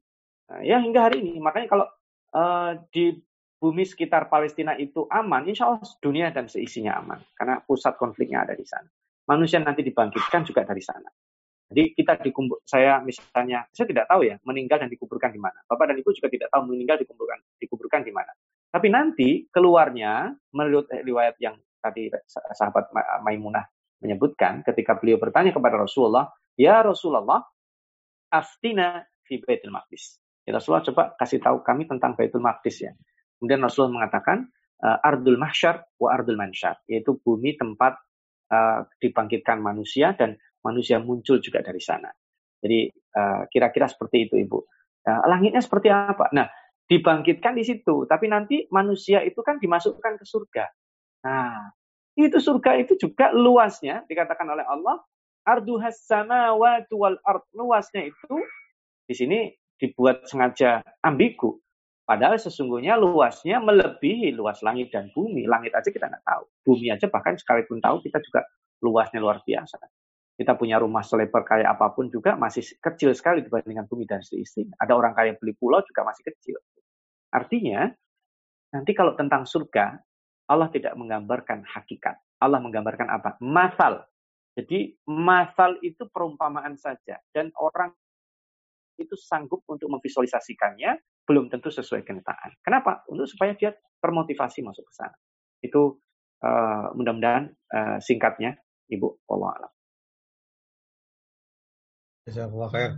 Ya, pertanyaan berikutnya dari Indra. Tahu ini Indra ini laki-laki atau perempuan. Ya, Bapak atau Ibu Indra. Assalamualaikum Ustadz. Izin bertanya. Tadi disinggung tentang ijaz, asri, bahwa penerapan syariah seperti larangan homer atau riba dilakukan secara bertahap. Apakah artinya penerapan syariat Islam dalam kehidupan modern seperti sekarang ini, penerapannya juga harus melalui tahapan-tahapan seperti itu? Atau sudah harus kita terima syariatnya secara total atau kafah? Ya, di dalam hukum itu tetap final. Di dalam praktek itu kondisional. Maksudnya kondisional apa? Bisa tawar dong? Enggak. Ini kan tiap orang kondisinya berbeda. Misalnya, dulu Afaki pernah dapat pertanyaan begini saya boleh nggak melakukan uh, sholat subuh, zuhur, asar, maghrib, isya jadi satu? Saya tanya, loh kenapa maksudnya? Misalnya saya habis sholat subuh, langsung saya repol semua. Zuhur, asar, maghrib, isya. Saya tanya, kerjaannya apa? Ternyata beliau ini pekerjaannya adalah uh, mendampingi apa namanya dokter bedah. Kalau sudah masuk di kamar bedah itu bisa berjam-jam. Uh, dan itu melewati waktu sholat misalnya. Gimana ini? Nah, tentu ini orang punya semangat sholat. Kita langsung patahkan begitu saja tidak bisa. Ya silahkan dikerjakan dulu. Tapi mengerjakan yang yang bagus itu sesuai aturannya adalah uh, sesuai dengan waktunya. Inna salata kanat alal mu'minina kitaban mauquta. Sudah ada waktunya. Nah ini makanya uh, uh, Bapak dan Ibu, hukum finalnya seperti itu. Tapi di dalam kita berdakwah, kita juga tidak bisa langsung. Orang yang hobinya minum misalnya. Itu Rasulullah SAW juga mendakwahi para sahabatnya begitu. Ada menghadap pada uh, Rasulullah, ya Rasulullah, saya belum bisa meninggalkan A, B, C, dan D. Gitu. Ya nggak apa-apa. Nah, tapi pesan Rasulullah apa? Pesan saya satu aja, kamu jujur kalau ditanya. Dan sahabat itu menganggap, oh ternyata mudah ya. Akhirnya dia menganggap jujur itu mudah. Pada saat ketemu ditanya, eh kamu masih minum nggak? Lama-lama dia mikir, masa sih saya sudah Islam ketika ditanya masih mabuk, ketika ditanya masih berzina, ketika ditanya masih begini kan malu. Lama-lama sahabat itu dengan sendirinya yang tidak disebut namanya sahabat tersebut, itu akhirnya meninggalkan semua ke kebiasaan buruk. Dalam cara berdakwah bertahap, karena kita sudah di, dikasih tahu oleh cara berdakwah, hukum finalnya, targetnya kita tahu. Karena faktanya sulit ya, tentang riba saja. Istilah riba itu kan tidak debatable. Tapi yang disebut riba itu apa? Nah, itu orang debatable.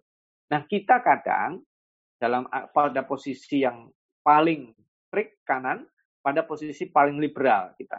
Tidak ada itu riba sekarang, ada yang kayak gitu. Ada yang mengatakan sedikit-sedikit, oh ini riba, ini riba, ini riba, riba. Akhirnya kita malah uh, ter, uh, terbebani pada dua istilah yang bertentangan tadi itu. Padahal sebenarnya kalau kita bertanya pada pakarnya, uh, kita akan lebih nyaman. Oh seharusnya saya memang menghindari ini karena ini berpotensi untuk riba. Saya harusnya begini. Oh kalau saya begini saya gunakan untuk begini. Nah, Al-Fakir sengaja tidak menyebutkan karena kalau sudah masuk wilayah itu pasti nanti saya akan ditanya detail-detail lagi. Saya kira itu. Allah alam. Alhamdulillah makin seru Ustaz. Uh, Ya, kemudian ini silakan ada Ibu Winnie Hasin.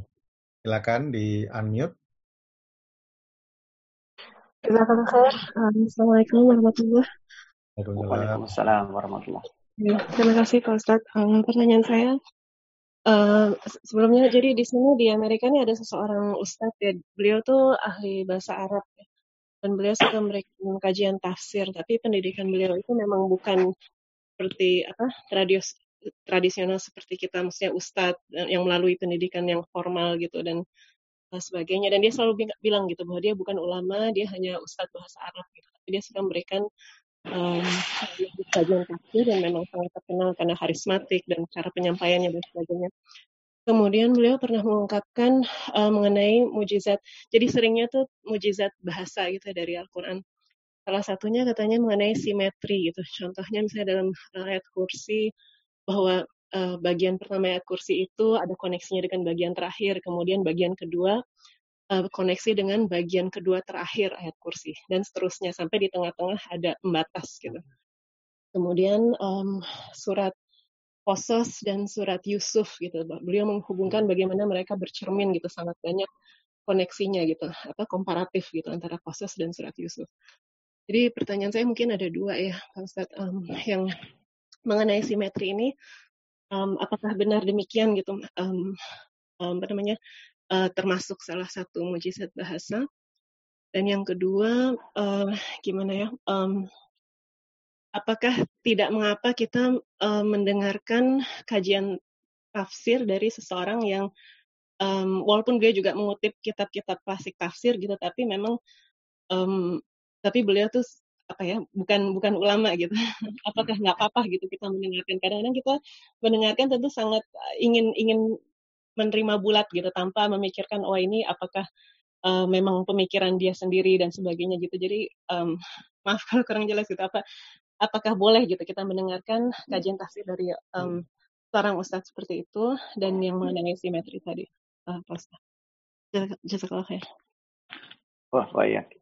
Ya, uh, Ibu, sebenarnya kajian itu tadi sudah saya sampaikan contohnya ya. Inna matala Isa indallahi kamatali Adam. Jumlahnya 25, 25. Itu salah satu. Jadi sebenarnya boleh. Tetapi begini, uh, jangan sampai juga kemudian itu di otak kita, kita buat cocokologi, dicocok-cocokkan. Misalnya ada peristiwa tanggal berapa ini? Oh ini tanggal berapa? Itu tanggalnya tanggal surat Al-Quran, kemudian ayat berapa, akhirnya kita cocokkan, kita analisa dengan sendiri. Nah itu itu yang uh, tidak jarang Al-Fakir dapat broadcast seperti itu. Uh, itu tentu di luar, apalagi sampai kemudian menafsirkannya untuk sesuatu yang belum terjadi. Itu uh, beda antara astronomi dan astrologi. Astronomi dianjurkan kita belajar, tapi astrologi bisa membahayakan akidah. Ya, astrologi itu berbeda. Oh, ini kamu lahir di sini bintangnya ini. Oh, kamu bagusnya kerjanya begini. Itu astrologi tidak boleh. Kalau astronomi ilmu tentang perbintangan, tadi yang di kedua setelah setelah uh, Ashabul Kafi Al-Fakir sebut mewakili nujum ya di handout ya. Jadi sebenarnya nggak ada masalah belajar itu. Tetapi tet kita juga uh, realistik ya, dilihat kembali benar dan tidaknya kita jangan langsung puas. Termasuk dengan yang Al-Fakir sampaikan ini juga silahkan dikritisi, ini terbuka. Nah, terkait dengan disiplin ilmu ya. Ya nanti kan juga akan uh, ya. Kalau misalnya orang itu uh, ternyata terbukti hanya cocokologi, nanti juga ada komentar para ulama. Ini juga terjadi tradisi keilmuan di zaman klasik juga begitu. Ketika si fulan dikomentari oleh sekian ulama, akhirnya orang ini, oh di, dia kalau meriwayatkan hadis itu boleh.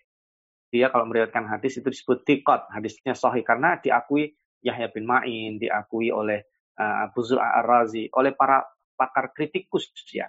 Uh, itu dalam ilmu yang Al-Faqih disebut dengan ilmu rijal. Jadi dia diakui. Memang uh, kalau menyampaikan si fulan diakui. Menyampaikan si fulan diakui. Nanti ada oh menyampaikan si fulan ini levelnya di bawahnya. Ya, kalau misalnya orang itu kemudian uh, tidak diakui ya kita ambil yang baiknya. Atau bahkan orang tersebut kontroversi, ya, berarti sebaiknya kita kita tinggalkan. Jadi kita tahu aja.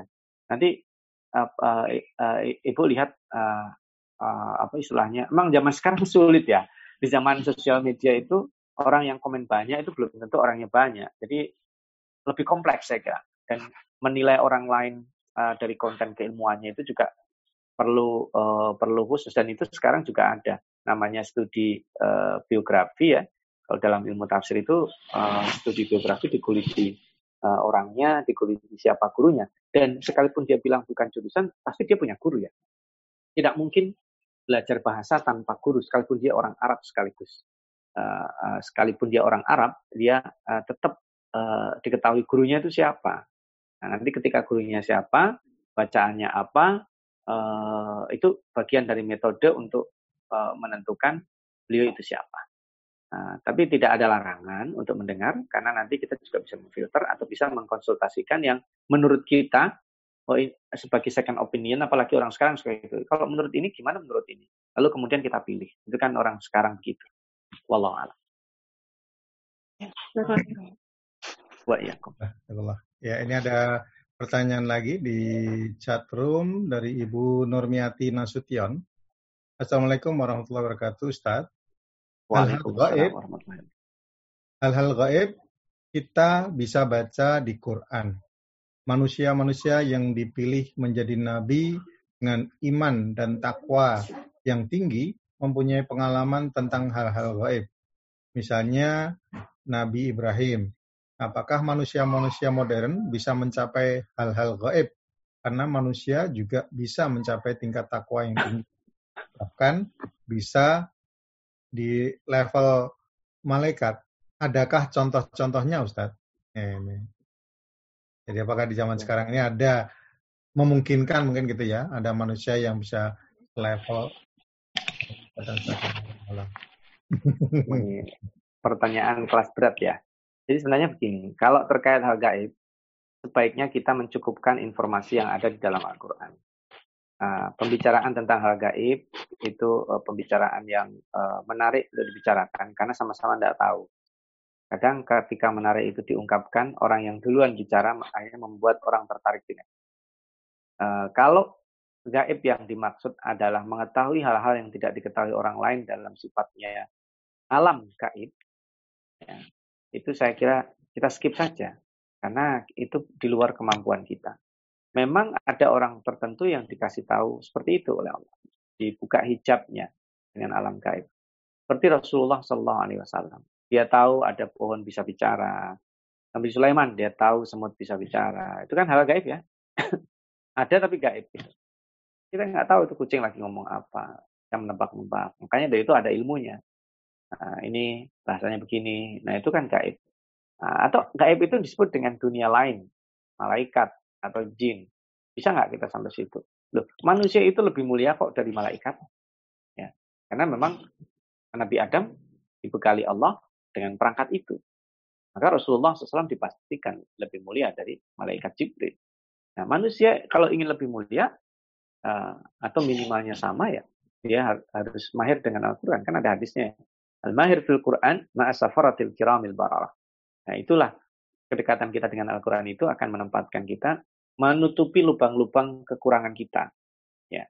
Nah, kalau dimensi gaib yang Ibu sebut walau alam ya, uh, sejauh Al-Fakir, sependek Al-Fakir yang tahu begitu. Jadi kalau untuk terkait dengan gaib yang alam lainnya, itu kita cukupkan saja. Itu bukan bukan domain kita.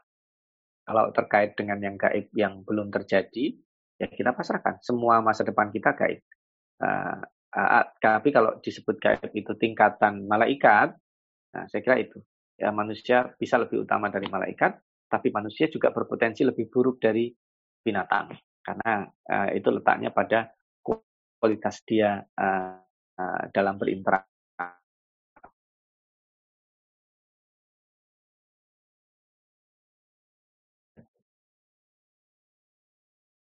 Ya. dengan perangkat yang diberikan.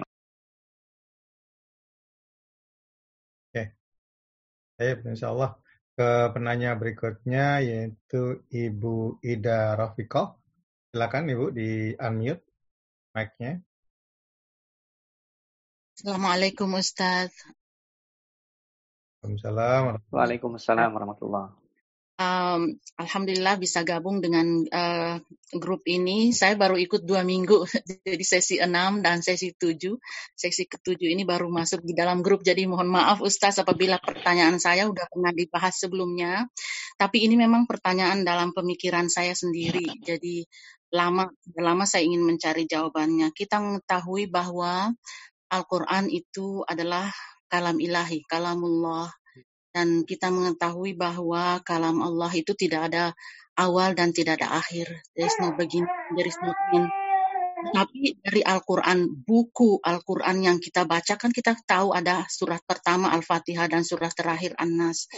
Jadi bagaimana kita memahami hal tersebut dari uh, kalam ilahi dan Quran sebagai kalam ilahi dan Al-Quran sebagai buku yang kita baca, yang kita pelajari. Begitu saja Ustaz. Terima kasih. Assalamualaikum. Waalaikumsalam warahmatullahi wabarakatuh. Baik Ibu, ini nanti uh, mungkin bisa dirujuk lebih detailnya di pembahasan wahyu ya. Al-Quran itu dia sebagai kalam Allah, sebagai wahyu, sebagai mukjizat, sebagai kitab suci. Itu sudah kita bahas. Al-Quran ketika disebut oleh Allah, Dalikal kitab, Dalikal kitab. Nah itu kan, uh, kenapa kok tidak dikatakan langsung aja disebut dari awal sampai akhir, Dalikal Quran. Quran itu menjadi dominan karena memang basically Al-Quran itu untuk dibaca dan transmisinya juga melalui dibaca, didengarkan. Suara artinya. Nah, dan itu kalam Allah yang aslinya memang tidak itu. Tetapi ini menyampaikannya perlu dimensi. Nah, ketika menjadi buku itu juga mukjizat. Pada saat diturunkannya kan dimensinya suara. Tapi next time, someday Al-Quran akan menjadi kitab. Nah, makanya dikatakan dalikal kitab. Dalika itu kenapa disebutnya bukan hadal kitab. Hadal kitab ada. Tapi ini untuk orang supaya berpikir nanti suatu ketika Al-Quran akan ditulis. Dan ditulisnya sudah dari sejak diturunkan. Itu sudah kami jelaskan ya dalam uh, sejarah mushaf ya silahkan juga dirujuk ada videonya dan handoutnya nanti bisa diminta kepada panitia. Nah, uh, tetapi uh, buku yang kita pegang itu, kitab suci yang kita pegang itu, interaksinya juga berbeda dengan yang lainnya. Makanya uh, ada buku Atibian, kalangan Imam An Nawawi. Kita memperlakukan mushaf Al-Quran jangan sampai seperti buku yang lain. Nah, kita buang begitu saja. Kita juga perlu memuliakan itu. Itu bagian dari adab, saya kira. Uh, itu lebih kepada kenapa ya sama ibu ketika saya dapat telepon dari orang yang saya cintai saya hormatkan pak gestur tubuhnya berbeda ya intonasinya berbeda nah ini kita sedang membaca kalam Allah ini Tuhan kita dan itu kalam Allah yang hari ini disebut uh, mukjizat kita pelajari karena pendekatannya kan wahyu ya sebagai mukjizat sebagai kalam Allah sebagai kitab suci yang paling tinggi dia sebagai kalam Allah dan kita tidak berinteraksi dengan itu kita berinteraksinya adalah Al-Quran sebagai wahyu, bukti kenabian Nabi, tapi yang paling banyak kita interaksi dengan Al-Quran sebagai mukjizat. Mukjizat bagi Nabi Muhammad ya. Bagi umatnya kapan? Ya kalau dibaca. Kalau nggak dibaca ya Al-Quran nggak bisa jadi mukjizat. Jangan harap Al-Quran jadi mukjizat ketika ke mana-mana kita bawa aja. Atau diletakkan di dashboard mobil. Jadi jimat misalnya. Ah, itu uh, tidak berfungsi. Jadi mukjizat kalau dibaca, dipelajari, diajarkan, diamalkan, dan lain sebagainya. Walau alam, saya kira Ibu untuk detailnya bisa di bahasan wahyu dan uh, apa ya bahasan ke, kedua kalau nggak salah. Kedua atau ketiga nanti ya nanti bisa didesain oleh uh, oleh panitia di kelas ya. Silakan. Wallah Alhamdulillah. Uh, makin lama makin ramai nih Ustaz pertanyaannya nih. Dari Ibu Lia Yasmin Las Vegas. Ya. Uh, apakah kemukjizat Al-Quran untuk memprediksi masa depan? Selain bahasan tentang hari akhir nanti masih ada jika dikaitkan dengan kehidupan saat ini dalam melihat masa depan. Bagian contoh misalnya mengenai virus COVID-19 ini. ya. Saya kira kalau sebagai normatif ada. Tetapi untuk mengatakan apakah virus COVID sudah disebut di dalam Al-Quran, nah itu saya kira terlalu, mohon izin, mohon maaf, terlalu naif. Kalau untuk kita bahas secara literal. Uh, tapi hal-hal seperti ini itu prediktif. Dan sebenarnya kalau disebut prediktif bukan berarti belum pernah terjadi. Kejadian paling banyak dialami di dunia ini kan tentang adanya ketidakadilan dan kezaliman. Dan itulah misi yang paling utama uh, di dalam Al-Quran adalah untuk meniadakan kezaliman. Karena kisah yang paling dominan itu ya kisah orang zalim yang harus diubah. Diubahnya itu ada yang dia bertaubat. Makanya versinya sangat banyak ya. Orang zalim yang bertaubat itu ada. Kalau dalam versi manusia itu kan puasnya kalau orang zalim mati hancur gitu kan. Kita kalau dalam disebut disebut dalam dunia uh, seni, entah itu seni perfilman dan sebagainya itu kita paling puas tuh kalau ada tokoh protagonis mengalahkan tokoh antagonis, tokoh antagonisnya mati berantakan dan sebagainya gitu itu baru udah ending. Gitu. Padahal sebenarnya kisahnya nggak selamanya begitu. Makanya kalau ditanya apakah prediktif, prediktif jelas. Sifat manusia seperti apa, Nah, itu pendekatannya tergantung apa? Psikologis, uh, pendekatan kasuistis tentang adanya krisis yang dialami oleh Nabi Yusuf itu juga bisa dipakai sebagai sandaran.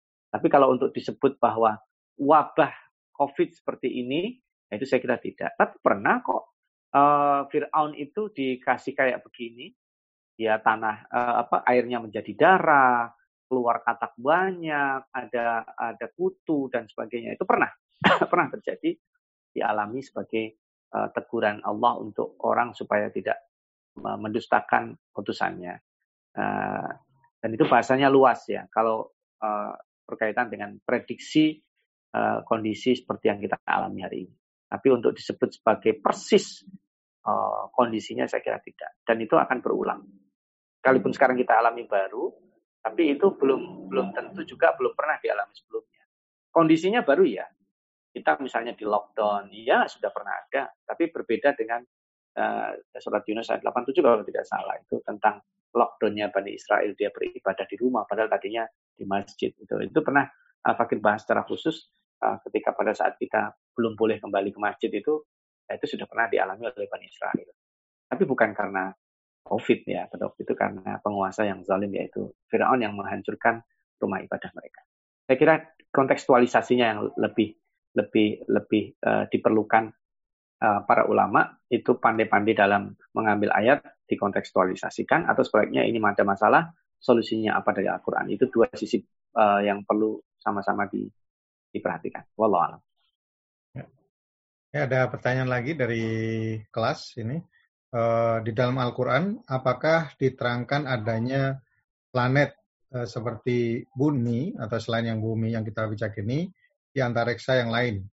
Jika ada, apakah makhluknya seperti kita manusia ini? Jadi misalnya apakah ada bumi yang lain atau planet yang lain yang ada penghuninya? Apakah diterangkan dalam Al-Quran? Mungkin gitu maksudnya. Ya, uh, pertama kalau disebut planet dalam istilah kita planet, itu tentu tidak. Kalau disebut benda-benda, itu ada. Karena ma fis samawati wal art itu kan sudah mencakup di antara keduanya. Atau an-nujum, bintang-bintang. Nah, mawaqi'in nujum nah, dan seterusnya. E, itu ada disebut. Penafsirannya lah yang kemudian menjadi lebih luas. Nah, itu makanya dalam dimensi pembahasan saintifik tentang tujuh langit yang tadi sempat ditanyakan e, oleh moderator tadi, itu bahasan yang tidak eksak sebenarnya. Tujuh langit maknanya apa? Itu panjang sekali penjelasannya. Itu satu. Yang kedua tentang makhluk. Ada nggak makhluk di planet-planet itu? E, sehingga hari ini tidak ada keterangan tidak ada keterangan itu bisa jadi ada, bisa jadi tidak. Tapi begini, kalau kita tidak tahu ya nggak apa-apa. Jangan dipaksakan untuk untuk mengetahuinya. Itu yang dalam istilah usul fikih itu yang uh, uh, apa ya? Uh, yang uh, jahluhu itu layadur. Yang kalau kita nggak tahu itu nggak membahayakan karena nggak nggak sampai pada tataran itu sudah sangat kemewahan itu mengetahui tentang itu. Tapi hingga detik ini belum belum terbukti. Masih sebagian besarnya adalah halusinasi dan hayalan manusia saja ada makhluk yang sering kita kenal anak-anak kita menyebutnya anak milenial dengan alien dan lain sebagainya.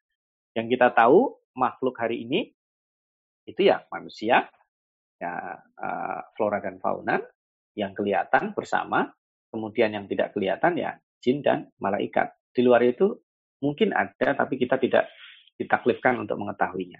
Allah alam. Alhamdulillah. Ya, ini uh, masih ada dari Ibu Elsa Miranda. Ya, Assalamualaikum warahmatullahi wabarakatuh. Waalaikumsalam warahmatullahi wabarakatuh. Mengapa ayat-ayat Al-Quran yang gender based lebih banyak ditujukan kepada pria dan sangat sedikit yang ditujukan kepada wanita. Surga juga digambarkan untuk pria, Nah, mungkin ada bidadari-bidadari. Bahkan ya. Anissa lebih mengatur apa yang harus dilakukan pria. Terima kasih. Semoga belum dibahas dalam sesi sebelumnya. Oh, ya, wah ini tema disertasi Al-Fakir sebenarnya. Jadi sebenarnya uh, apa ya struktur ini dalam teori kritik sastra itu disebut dengan ada strukturalisme dan post strukturalisme dalam uh, struktur sosial dan bahasa yang digunakan itu juga beda-beda. Uh, pendekatan masyarakat Barat dengan masyarakat Arab juga berbeda. Tetapi sesungguhnya beda. Beginilah. Ketika Al-Quran membahasakan nahnu, itu dalam bahasa Arab dan bahasa Inggris satu, we. Ya kan? Tapi dalam bahasa Indonesia menjadi dua. We itu bisa berarti kita, bisa berarti kami. Dalam bahasa Inggris, bahasa Arab tidak dipisah. Nah, nah itu contoh sederhana saja. Nah, sama dengan pembahasan Al-Quran. Tidak selamanya yang yang uh, uh, apa namanya diperuntukkan laki-laki itu laki-laki.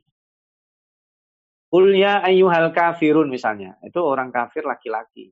Ya, itu dua-duanya. Nah, ini dia. Uh, istilah based ini uh, itu baru muncul sebenarnya.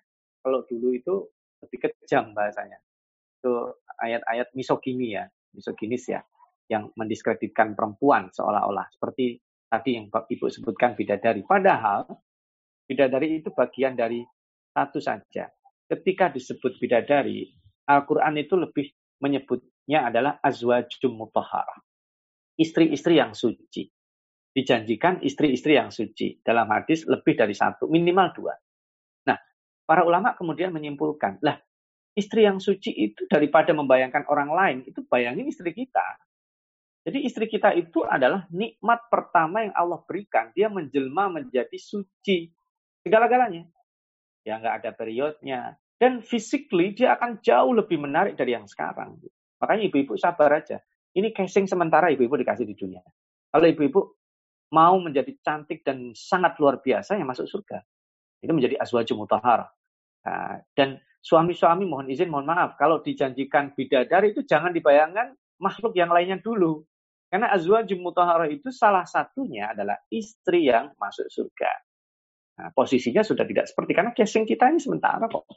Ya nanti casing kita betul-betul berubah, tidak seperti yang saat ini. Tingginya juga setinggi Nabi Adam kan digambarkan. Ya. Usianya juga sudah usia yang sangat luar biasa. Loh, seperti apa? Eh jangan tanya, masih nanti gitu. Jadi sebenarnya uh, tentang bidadari khususnya itu bahasanya lebih lebih spesifik ya. Dan karena memang laki-laki diciptakan Allah begitu. Dia mau muda, mau tua, tuh kalau melihat perempuan yang cantik ya tetap tertarik. Beda sama perempuan. Perempuan kalau sudah sudah tua apalagi mohon maaf mohon izin ya, sudah menopause itu. Dia bisa jadi melihat eh, laki-laki yang ganteng perkasa itu ya biasa aja. Karena memang uh, syahwatnya tidak beda dengan laki-laki yang stabil. Maka laki-laki yang diciptakan seperti itu, di bayangan dia, kalau kamu cukup dengan yang halal, Allah kasih nanti bidadari. Nah itu kan pendekatannya. Nah, sementara kalau ibu-ibu dipancing meningkatkan emosionalnya, itu emosional saat ini ya pasti cemburu. Karena memang itu tabiat perempuan dan memang harus ada. Coba bayangkan kalau laki-laki dan perempuan tidak punya rasa cemburu, rusak. Yang udah kayak gitu aja sekarang mohon maaf, mohon izin ya, ada wife swap, ada tukar menukar pasangan itu gimana itu? Jadi ada perilaku-perilaku menyimpang yang ada. Maka uh, sangat uh, kajian tentang gender ini uh, luas dan itu sebenarnya pengembangan uh, dari antitesa. Sebenarnya kalau di di dalam Al-Quran mencukupkan dengan istilah ad-dakar wal unsa uh, yang jelas. Saat ini kita menuju kepada era genderless. Nah, dulu ketika Al-Fakir membuat email, itu di tahun 90 berapa ya, awal-awal ada internet. 98 atau 99 Al-Fakir punya email pertama kali di Yahoo. Itu penentuan jenis kelamin itu ya cuma dua, male dan female. Tapi saat ini kalau Al-Fakir membuat email, itu ada satu lagi jenis kelamin, others. Kan aneh gitu. Emang ada jenis kelamin yang ketiga? Nggak ada. Gitu. Nah itu kita menuju kepada genderless. Dan ini mohon izin, mohon maaf, harus kita lawan. Kita harus jelas identitasnya, laki-laki atau perempuan. Lah saya kalau berinteraksi dengan orang misalnya, nama satu nama, itu kan serba salah kalau tidak tidak jelas identitasnya. Ini saya manggilnya Pak atau atau atau atau Bu gitu. Karena misalnya saya panggil Bu, oh ternyata dia laki-laki kan nanti jadi tersinggung. Maka identitas yang jelas itu perlu dijelaskan. Dan di dalam Al-Quran, identitas itu jelas. Nah, ketika semuanya itu seolah-olah bagi laki-laki, itu persepsi.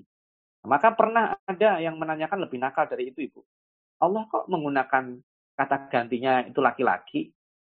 Harusnya nggak laki-laki, nggak perempuan. Dalam bahasa Arab kan nggak ada itu. Kenapa Allah itu menggunakan laki-laki? Ya, sementara malaikat itu menggunakan uh, kata ganti perempuan. Itu lebih ke bahasa, perwakilan bahasa saja eh, wah Al-Fakir tidak bisa bahasa Perancis, tapi dalam bahasa Perancis katanya kalau untuk mobil itu diperlakukan grammar uh, grammarly seperti uh, muannasnya bahasa Arab. Kita juga demikian kalau untuk uh, sesuatu eh, sama ya. Kenapa bulan uh, itu dipersepsikan dakar, sementara asyams yang uh, uh, lebih kemaskulinan, lambang kemaskulinan tapi perempuan. Itu kan lebih kepada pilihan kebahasaan di dalam struktur bahasa kajiannya tidak basisnya bukan gender, tapi basisnya bahasa struktur yang terjadi di Arab dan kita bisa pelajari. Wallahu alam. Itu saya kira. Alhamdulillah, jazakallah khair. Ini ada penanya lagi di chatroom dari Ibu Erna. Ya, Assalamualaikum warahmatullahi wabarakatuh. Al-Quran adalah salah satu mujizat Rasulullah SAW. Bagaimana dengan kitabullah lainnya? Apakah menjadi mukjizat bagi rasul-rasul yang menerimanya? Ya, kalau kitab suci yang lainnya itu belum ada keterangan sebagai mukjizat. Tapi bahwa itu sebagai pedoman ya. Karena yang disebut mukjizat para nabi itu mukjizat hissi, mukjizat yang diterima dan dirasakan pada saat itu. Ya, Nabi Musa mujizatnya apa, Nabi Nuh, Nabi Saleh dan sebagainya itu mujizat saat itu. Uh, kitab sucinya atau kitab suci itu bentuk buku ya, ada dengan disebut dengan suhuf. Pernah kita bahas juga pada waktu lalu ya. Itu tidak disebut sebagai mukjizat karena memang faktanya tidak demikian. Dia hanya merupakan pedoman. Ya. Karena mukjizat itu ada sisi bahwa dia tidak bisa dikalahkan. Ya, kalau kemudian uh, kita nggak bisa menemukan kok versi otentik Taurat, Injil, nggak nggak bisa kita temukan versi aslinya. Sekalipun nanti uh, kita akan didebat juga oleh orang yang berkeyakinan itu, tetapi versi kita itu kita nggak menemukan. Sementara Al-Quran itu otentivitasnya terjaga, otentisitasnya. Dan itu salah satu bentuk mukjizat. Nah, dimensi mukjizatnya itu yang paling utama ya bahasa. Coba Bapak dan Ibu bayangkan dari sejak dulu kita membahas tentang sejarah mushaf hingga hari ini dimensi konten. Ini sudah mulai masuk konten kan. Kita pendahuluan kan ilmu Quran dibagi tiga. Tentang turunnya Al-Quran, wahyu dan seterusnya. Tentang sejarah mushaf, itu duanya udah udah selesai kita bahas. Sekarang kita membahas tentang konten. Dan konten ini banyak sekali. Makanya ketika saya ditanya sama pengurus IMSA, ini selesai berapa sesi? Dah tergantung kebutuhan. Tapi tetap harus diberi supaya kita tidak bosan. Saya kira itu dan uh, waktu cukup ya.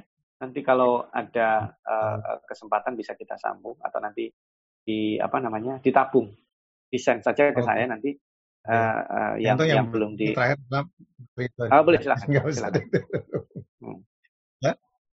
Ya? mau disilakan aja Mas Rita tadi pending aja nih Ustaz silakan kalau oh, pending aja Nggak usah nanti kelamaan ini masalah tantangan Quran nanti aja Ustaz di apa to be continued. Yang tantangan masalah yeah. uh, nih orang-orang bikin Quran yang zaman-zaman sekarang kan ateis kemarin di oh, baik. Bagaimana Boleh, cara nanti. mengevaluasinya? Yeah. Nah. nanti nanti kita bahas pada kesempatan lain insyaallah. Hmm, yes, Iya. Dia mengalah sekarang. Alhamdulillah nih uh, jadi nggak ada kata-kata sisipan nih dari penyelenggara ini. Alhamdulillah uh, sahabat IMSA yang dirahmati Allah taala, kita saking asiknya uh, membahas dan uh, menyampaikan pertanyaan serta menjawab pertanyaan dari peserta yang sungguh luar biasa ini menunjukkan uh, semangat untuk terus mengikuti. Mudah-mudahan yang bertanya juga sudah ada di kelas uh, Ulumul Quran ini yang memiliki uh, WhatsApp group tersendiri jadi ada beberapa pembahasan dan juga ada materi di sana uh, akan menambah semangat Ustadz untuk menyampaikan lebih detail dan menjawab pertanyaan-pertanyaannya. Dan sekali lagi kita masih dikawal terus oleh streamer kita dari Radio IMSA Mas Didi di Pittsburgh dan Mas uh, Pak Rahmat dari Seattle Washington dan saya sendiri uh, Adi dari Los Angeles juga menjadi moderator saat ini. Uh, kita dibimbing oleh Ustadz Dr. Saiful Bahri, MA, ya, untuk uh, program Ulumul Quran ini. Memang cabangnya atau pembahasannya cukup luas kalau didetailkan, tetapi uh, fokus kita adalah dalam Ulumul Quran tentang Al-Quran ini. Mudah-mudahan tetap bersemangat. Untuk itu sebelum ditutup kita akan menyimak bersama rangkuman yang akan disampaikan oleh Ustadz Saiful dan kemudian ditutup dengan doa. Tawatul Tat. Baik, terima kasih Bapak dan Ibu.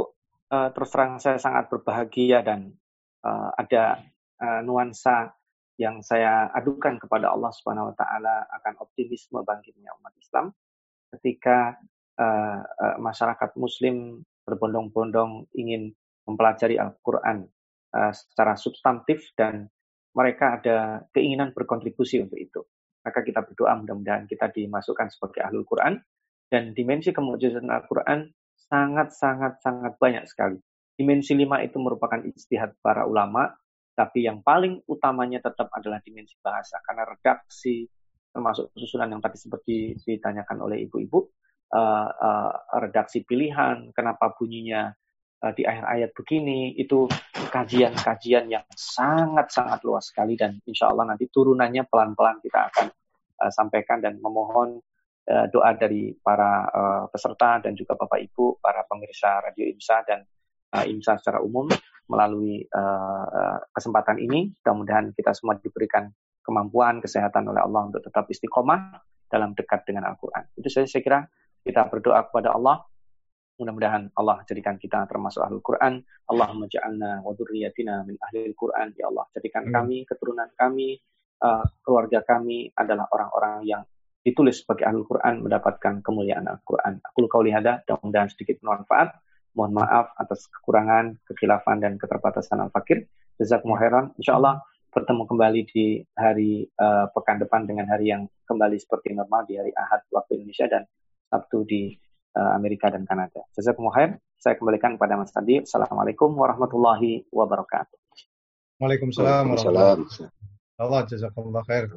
Uh, Ustadz, benar-benar khair ya jazakumullah kasir ya, kasir yang banyak sekali nih luar biasa kita jadi nampak kerdil dengan kondisi seperti ini terlalu apa mm-hmm. namanya masih banyak yang harus kita eksplor sama Ustadz Saiful Bahri ini mudah-mudahan Allah memberikan kesempatan dan umur kepada kita untuk tetap uh, bergabung di, di acara program Ulumul Quran yang diselenggarakan oleh IMSA Indonesian Muslim Society in Amerika dan bagi yang uh, ingin uh, apa namanya mendaftar tadi ada beberapa yang belum belum mendaftar. Alhamdulillah di kelas sudah ada uh, hampir 150 peserta ya dan pada acara tadi di Zoom ada sekitar 70-an, kemudian ada yang dari Facebook, juga dari uh, YouTube yang mengikutinya. Uh, mungkin dengan kondisi yang berbeda-beda, tapi alhamdulillah bisa kurang lebih mencapai di atas 100 uh, partisipan dan view. Itu sungguh uh, suatu yang luar biasa. Mudah-mudahan bisa uh, continue, bisa istiqomah mengikutinya sehingga tidak Amin. Putus dan uh, mendapatkan informasi yang informatif, informatif yang komprehensif insya Allah. Baik, uh, kita cukupkan dan kita tutup dengan baca uh, doa penutup majelis. Subhanaka